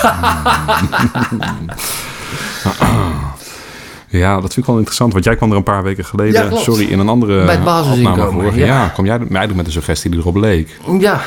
Ja, ja, het is monetariseren van tijd. Ja, is dat niet iets wat we al lang doen en zo? Eigenlijk wel. Een parallel systeem zou je dan kunnen waarin tijd... Maar tijd voor tijd zegt ook een beetje dat dus gewoon een eenheid tijd voor iedereen evenveel waard is. hè? ja, precies. En dat, Dus eh, jouw uur is net zoveel waard als mijn uur. Ja. En is dat, En is, dat, is eigenlijk- dat zo? Vind je Eh, jouw uur meer of minder waard dan mijn uur? Nou, mijn uur is eh 10,93 euro waard volgens het uitzendbureau. Ja, Mhm. ja. Maar ik weet wel dat voor de opdrachtgever die mij bij het uitzendbureau inhuurt, is mijn uur 25 euro waard, ja. Ja, en het verschil houdt mijn pooier in de zak. Ja. Dat is, is een grof schandaal. Ja, ja. Als jij per uur gewoon minder krijgt van de kostprijs van jouw uur voor degene die daar opdracht voor geeft, is dat best wel gênant. ja dat is best Ja. wel... Ja, ja maar ik... eh, Ik noem het net zelf wel een beetje, misschien een moderne vorm van slavernij. ja, Maar, zeker. eh, Ja, het is tenminste mensenhandel, zou ik zeggen. ja, ja, nou, zeker. Jouw Ja. uren worden door een ander doorverkocht Ja. met een marge van heb ik jou daar. Ja, nou ja, dat is mensenhandel inderdaad. En dat, la- dat laten we ook allemaal maar toe. Eh, ja. Dat noemen we een flexibele schil. Dat noemen we een flexibele schil inderdaad. Ja, ja. Ja, in de slavernij had je dat ook zo moeten noemen. Hè? Ja. een statische gratis. Ja, die is iets te dik geworden, maar ja, het Ja. werkt wel. Ja. Of de zweep erover, maar dat doen ze bij uitzendkracht ook. ja, nou ja, dat doen ze dus ook bij Ja, uitzendkrachten. dat, hè, eh, als er één, één schil als eerste zeg maar, eh, op de schopstoel zit als de mensen uit moeten, waren die ja, wel. Ja, ja. ja of, als die, of als die een grote mond krijgen inderdaad. Van ik zou graag eh, niet eh, met drie man een matras willen, willen delen, maar ik wil gewoon zelf een huisje kunnen. Nou, nee, zoek, zoek in Polen maar wat. Ja, zoek in Polen, maar wat is dan het verhaal inderdaad? Ja. Ja, ja, ja, ja, ja, zelfs de Pool wordt inmiddels al te duur. Dus worden er Oekraïners met een vluchtelingenstatus in Polen via een uitzendconstructie op een vrachtwagen in Nederland gezet. Voor 4 euro per uur. Doen ze knap hoor. Ja, Wat, wat, wat is mijn uur waard? pff, ja, ja, jij, jij hebt gekozen. Ja, jij doet niet meer mee, geloof ik, hè? Aan, de. Hashtag. eh, Ja, ja, ja. Ja, hashtag ik doe mee of ik nou wil of niet. Ik, eh, ja, ik zit in de molen, in de hamstermolen. Nee, ja. nee, je hebt ergens wel een keuze gehad ook. Nou, Je hebt ergens wel een keuze eh, gehad. Want als je, kijk, het is niet alleen maar de inkomstenzijde, want mijn, mijn marginale waarde per uur nu is eigenlijk gewoon nul. Weet je, ik, ik, ik maak 0 euro door wat ik nu doe. Ja, eigenlijk Dus zouden ja, we jou zou ik hier ter 1 euro plekke al wel iets moeten willen doen. kapot moeten schieten en economisch af moeten duiken. Alweer. Ja, alweer inderdaad. Ja, het is een terugkerend thema Die inderdaad. huurwoning komt er wel vrij. Dan kun je 15 Ja. mensen aan de Ja, basisinkomen gewoon, inzetten. gewoon mensen met een baan die wat 23 bijdragen. Kun je dat dan inzetten inderdaad? Dat lijkt me eigenlijk wel eh, win-win voor iedereen inderdaad. Je kan maar beter gewoon even zorgen dat je er niet meer bent. Ja. Zo. Ah, ik Sorry hoor. Eh, Ik heb nog een gulden. Een belletje, ja. Hebben we nog beleggingsadvies voor onze luisteraars? De potato coin. Nou, ga in aardappels zitten. Ik hoor dat daar dus een dik rendement op zit. Ja. Frieten van maken, jongen. Ja, zeker. Ja, de patatekes, ja. De hoeksteen van onze economie, hè, de patat. Ja. Of drank, toch? Wat maken ze van, eh, van aardappelen? Eh wodka. Kijk. Ja. God, ik had gisteren Kurwa. Lekker man. Jazeker. Ja, en drank kun je ook altijd wel eh, dat is een goede waarde opslag. Want ik, ik, ik geloof aandelen is, en is shit drank, en is zo. drank niet ergens geld ook? Ja, zeker. Dat kun je, tijden al- van kun je crisis. altijd kwijt. Hoe groter de crisis, hoe meer drankbehoefte er ontstaat. Want, toch? nou, en er zijn Ja. mensen met een soort van permanente behoefte, toch? Dus daar kan Ja. je echt wel iets mee ruilen als jij eh, die Ja. op... eh, Ja, dus drank is geld. Best wel houdbaar ook. ja absoluut. Het is alleen best wel zwaar, weet je. Als jij eh, een Oh, paar, ja. van die guldens, paar, paar van die guldens mee zou nemen, dan zou je een fles drank kunnen kopen. Maar die paar guldens in je broekzak zak je broek nog niet vanaf. Moet die, eh, moet die liter fles vodka in je broekzak stoppen. ja. Proost. ja, dank je. En dit was bier trouwens. Ja. Wod- Wodka heeft geen koolzuur. Hè? Dat Nee, nee, nee. Ja, Volgende keer maar een wodka. Ja, nee, maar dan kom jij niet meer aan je calorieën. Dan ga je van je stokje, weet je. Het is maar goed dat jij bier drinkt tijdens de uitzending, want dan blijf je nog een beetje scherp. Het wordt omgezet in suiker, er zit nog wat calorieën in. Maar wodka is gewoon Ik heb zo'n oud. jongens. Ja, ik, ook. ik trek er ook nog even eentje open.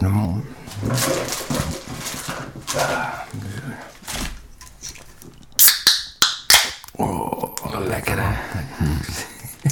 Ja, ja, de luisteraar weet inmiddels wel in welke hoek wij onze sponsoren ongeveer zoeken. Brouwers trouwens- alle landen, meld u. Ik heb een paar dagen geleden nog een heel mooi grafiekje voorbij zien komen. Waar, eh, Ja. waar zowel die uh, tulpenbollen in stonden Oh. als eh, de VOC. Ah. Dus de VOC, wat was het? De, De Verenigde Oost-Indische Compagnie. ja, maar onder die naam stond er niet bij. Oh, de WIC of de, Oost-Indische Compagnie. de Oost-Indische Compagnie. Als ja. een, ja. En die hebben aandelen uitgegeven. En dat waren ook alle, alle, ja, allemaal bubbels. Het waren een stuk of vier, vijf Ja, erin stonden. ja. Die vergelijkbaar met die tulpenbollen een jaar of drie, vier hebben geduurd. Ja. Van het startniveau naar weer bijna terug naar het oude niveau. Ja. Terwijl ze 60 jaar over de kop zijn gegaan onderweg. Ja, ja, het En was daar, wel... stond, eh, daar stond de bitcoin ook ingetekend. Oh, het is een beetje vooruitlopen op de zaken, denk ik. Ja. Nou ja, ik denk dat die vergelijking juist daarom ook best wel mank gaat. Ja. Want als dit zoiets zal zijn, zou zijn als hè, de tulpenbollen en eh, de eerste investeringen in eh, verre overzeese Ja, eh, of in, potentiële rijksdelen. Russische of, spoorlijnen in het jaar 1917, net voor de revolutie. Daar is ook heel veel geld in afgeschreven. Dat, ja, dit is ook niet teruggekomen. nee, dat is niet... Nee, nee, de Sovjet-Unie.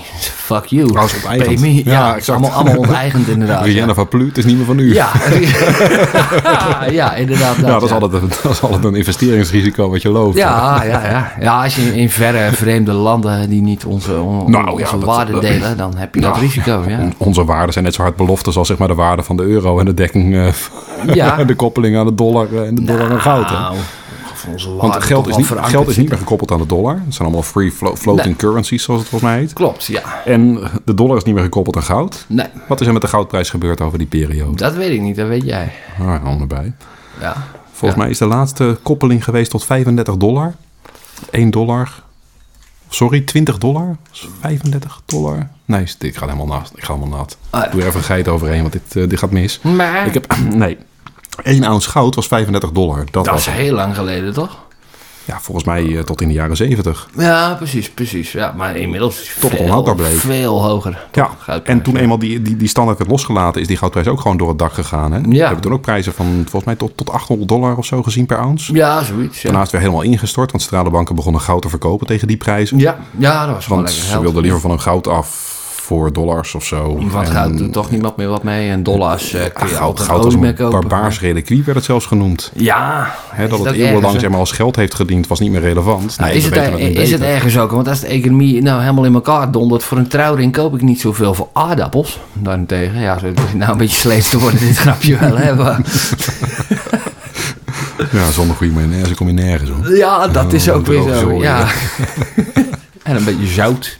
Zout. Ja, weet je wat, wat Zout. salaris van komt inderdaad? Ja, even, even voor een lekker. belletje uit. Romeinse eh, legionairs, dus soldaten die in naam van Rome koppen afhakten, die eh, werden betaald in zout. Cel, sal, salaris. Daar komt dat woord vandaan, van zout. Ja, maar, eh, kijk met zo'n blik van ik heb je geschreven, maar hij had ook een belletje. Ja. Laat maar zien. Ja, ja. Leven we nu in Weimarachtige omstandigheden? Oh, oh. Ja, ja, Weimar is dus de tijd tussen de Tweede, twee wereldoorlogen in, in Duitsland. Dat heet de Weimar-republiek. eh, Met de hyperinflatie en zo. Ja, ik weet het niet. Ik krijg dat gevoel soms wel eens. Daarom, daarom vind ik het niet echt dat ik geen geld heb. eh, eigenlijk. Want het gaat toch kapot, geld. ja, wat denk jij? eh, Denk je Nou, dat... ik, ik zou vooral adviseren als je wel geld hebt en daar niet direct wat mee moet, of dat direct nodig hebt of wil aanspreken, hè, dat je een beetje zeg maar, ruimte hebt om koersfluctuaties te doorstaan. Mhm. Dat je op de lange termijn gewoon bijna alles moet kopen behalve die euro op je spaarrekening. Ja, ja, Ja, gewoon... dus koop gewoon wat aandelen, koop staatsobligaties ook niet. Nee, ja, maar aandelen ook. is ook gewoon, ik, eh, ik weet niet, dat moet ook allemaal weer in geld. Ik zou gewoon iets waar je gewoon altijd wat aan, aan hebt. Dus ja, inderdaad een, voor, een voorraad aardappels of een huis om te verhuren. Of eh, Ja, bijvoorbeeld aardappels vergaten. Koop dan gewoon een, eh, een, een moestuintje waarbij je ieder jaar je aardappels kan klassie- kweken. klassieke Ferraris. Want als jij nu in de supermarkt gewoon al bijna 6 euro voor 5 kilo betaalt zometeen. Ja. Let, let maar op in mij. Kost gewoon 5 kilo aardappels gewoon weer 6 euro. Ik ben eigenlijk Ja, niet zo op de hoogte van de aardappelmarkt. Nou, je zou bijna rijst gaan eten. Maar ja, Ja, verdamme. Ja. Eh, als ik rijst eet, Maar begrijp nee. ik waarom Chinezen klein blijven. Het, vult toch niet, man. Nee, het is wel beter op te slaan. Nou, wel. gelukkig hoef je het niet te schillen. Dat scheelt dan wel weer. Moet je je voorstellen. Ik heb soms krieltjes. Die zou ik in de grond stoppen dan. Lekker laten uitlopen in de lente. Ja. Half april in de grond. Oh, weer een bel, ja. ja. Ik ben een kunstacademie-student. Ja, en daarom zijn we zo doodsbang voor je, Pino. Ja. Ja, dit is nou echt zo'n type hier inderdaad. Zo'n zo, zo, zo net niet eh, figuur. Die, eh, die massa's in vervoering, die staat op het punt om massa's in vervoering te brengen. Wij zijn nu zijn instrument. Hij is hier Riefenstahl. Heeft hij geld of niet? Ja, bitcoins. ja. Nou, vervoer die maar. Ja, ja. Ja, ik voel een beetje... Ik heb ooit iemand bang gemaakt daarmee hoor. Die, eh, die had ook bitcoins. En ik zei ook van ja, kijk, mensen kunnen bij jou binnenkomen en je, en je beroven of bestelen. Maar ze kunnen bij bitcoin natuurlijk gewoon een pistool op je hoofd zetten. En tegen jou Ja. zeggen, maak het maar over. En eh, Ja. ja. wat doe je dan? Hè? Ja, ja, nou, wat, daar- doe- is- wat, wat doe je dan? Is daar niet een app voor of zo? Van ik word beroofd en ik wil net doen alsof ik al met de goede overmak app. Gaat Ja, we weer een business idee hebben? Dat je een centrale... Het- Nou, bang- business idee bang- van de ik ben week, Bang van niet. Ik ben bang van niet. Want het nadeel is een beetje dat als jij een transactie doet... Bij een bank kan je nog zeggen van... Oké, nou die bank vindt me heel zielig. Die corrigeert dat weer. Die maakt het ongedaan. Die legt beslag Mhm. op die bankrekening. Ja, in het bitcoin-netwerk is dat wat lastig. Ja, ja, daarom ben je ook zo'n fan van Bitcoin. Hè? Het, het, heeft een. Nou, dit is wel een tricky dingetje natuurlijk. Want misschien is daar wel een soort van arbitrage... eh, eh, hè, in ieder geval aan te raden. Of voor, voor gebruikers veel prettiger... dat als er iets fout gaat... waar je eigenlijk gewoon toch ook niks aan kon doen... ja. dat je dan dat netjes ongedaan kan Nou, maken. sorry, ik heb dat dikke dat vingers. Dat kan, Ja. ja, nou, dat kan niet in de bitcoin. ja, nou ja, ik heb last Dus het het is wel geld. 100% eh, eigen verantwoordelijkheid... dat als jij het eh, nieuw doet, niet goed beschermt... ja. er is geen bank die tegen jou zegt van... Ah, we snappen dat, en je bent hier opgelicht. Dus eh, ja, je hebt op een phishing mail geklikt. Ja. Ja, ja, ja, nou, sorry voor jou. ja wel knap hoor, phishing. Ik, ik voel een beetje. een, ja, het droogt een beetje op hier. Hè? Ik voel een einde aankomen. Ja, Ja, kost dat. ja. Het levert dat op, dat is de vraag. Ja, this is the end. My only friend, the end. This is the end. Money! Deze aflevering werd gesponsord door Tena Gamer Incontinentie Luiers. Heeft u tijdens die urenlange online gamesessies ook geen zin om naar de wc te gaan? Zijk gewoon in uw broek en dankzij onze nieuwe geurreform technologie stinkt u niet naar uw eigen pis. Verkrijgbaar in de geuren appelstroop, ananas, zeezout, hartige taart of linkse tranen. Tena Gamer Incontinentie Luiers. U bent het niet waard. Is toch een goed moment voor, eh, voor mij om even om Nou, het is ook wel een leuk, leuk moment van te beginnen. Onze sponsor is Export categorie 2 bier Alk 4.7 vol. Voor slechts 45 cent kunt ook u zich op een hoek van een straat een zwerver wanen. Moet u wel lauw zijn.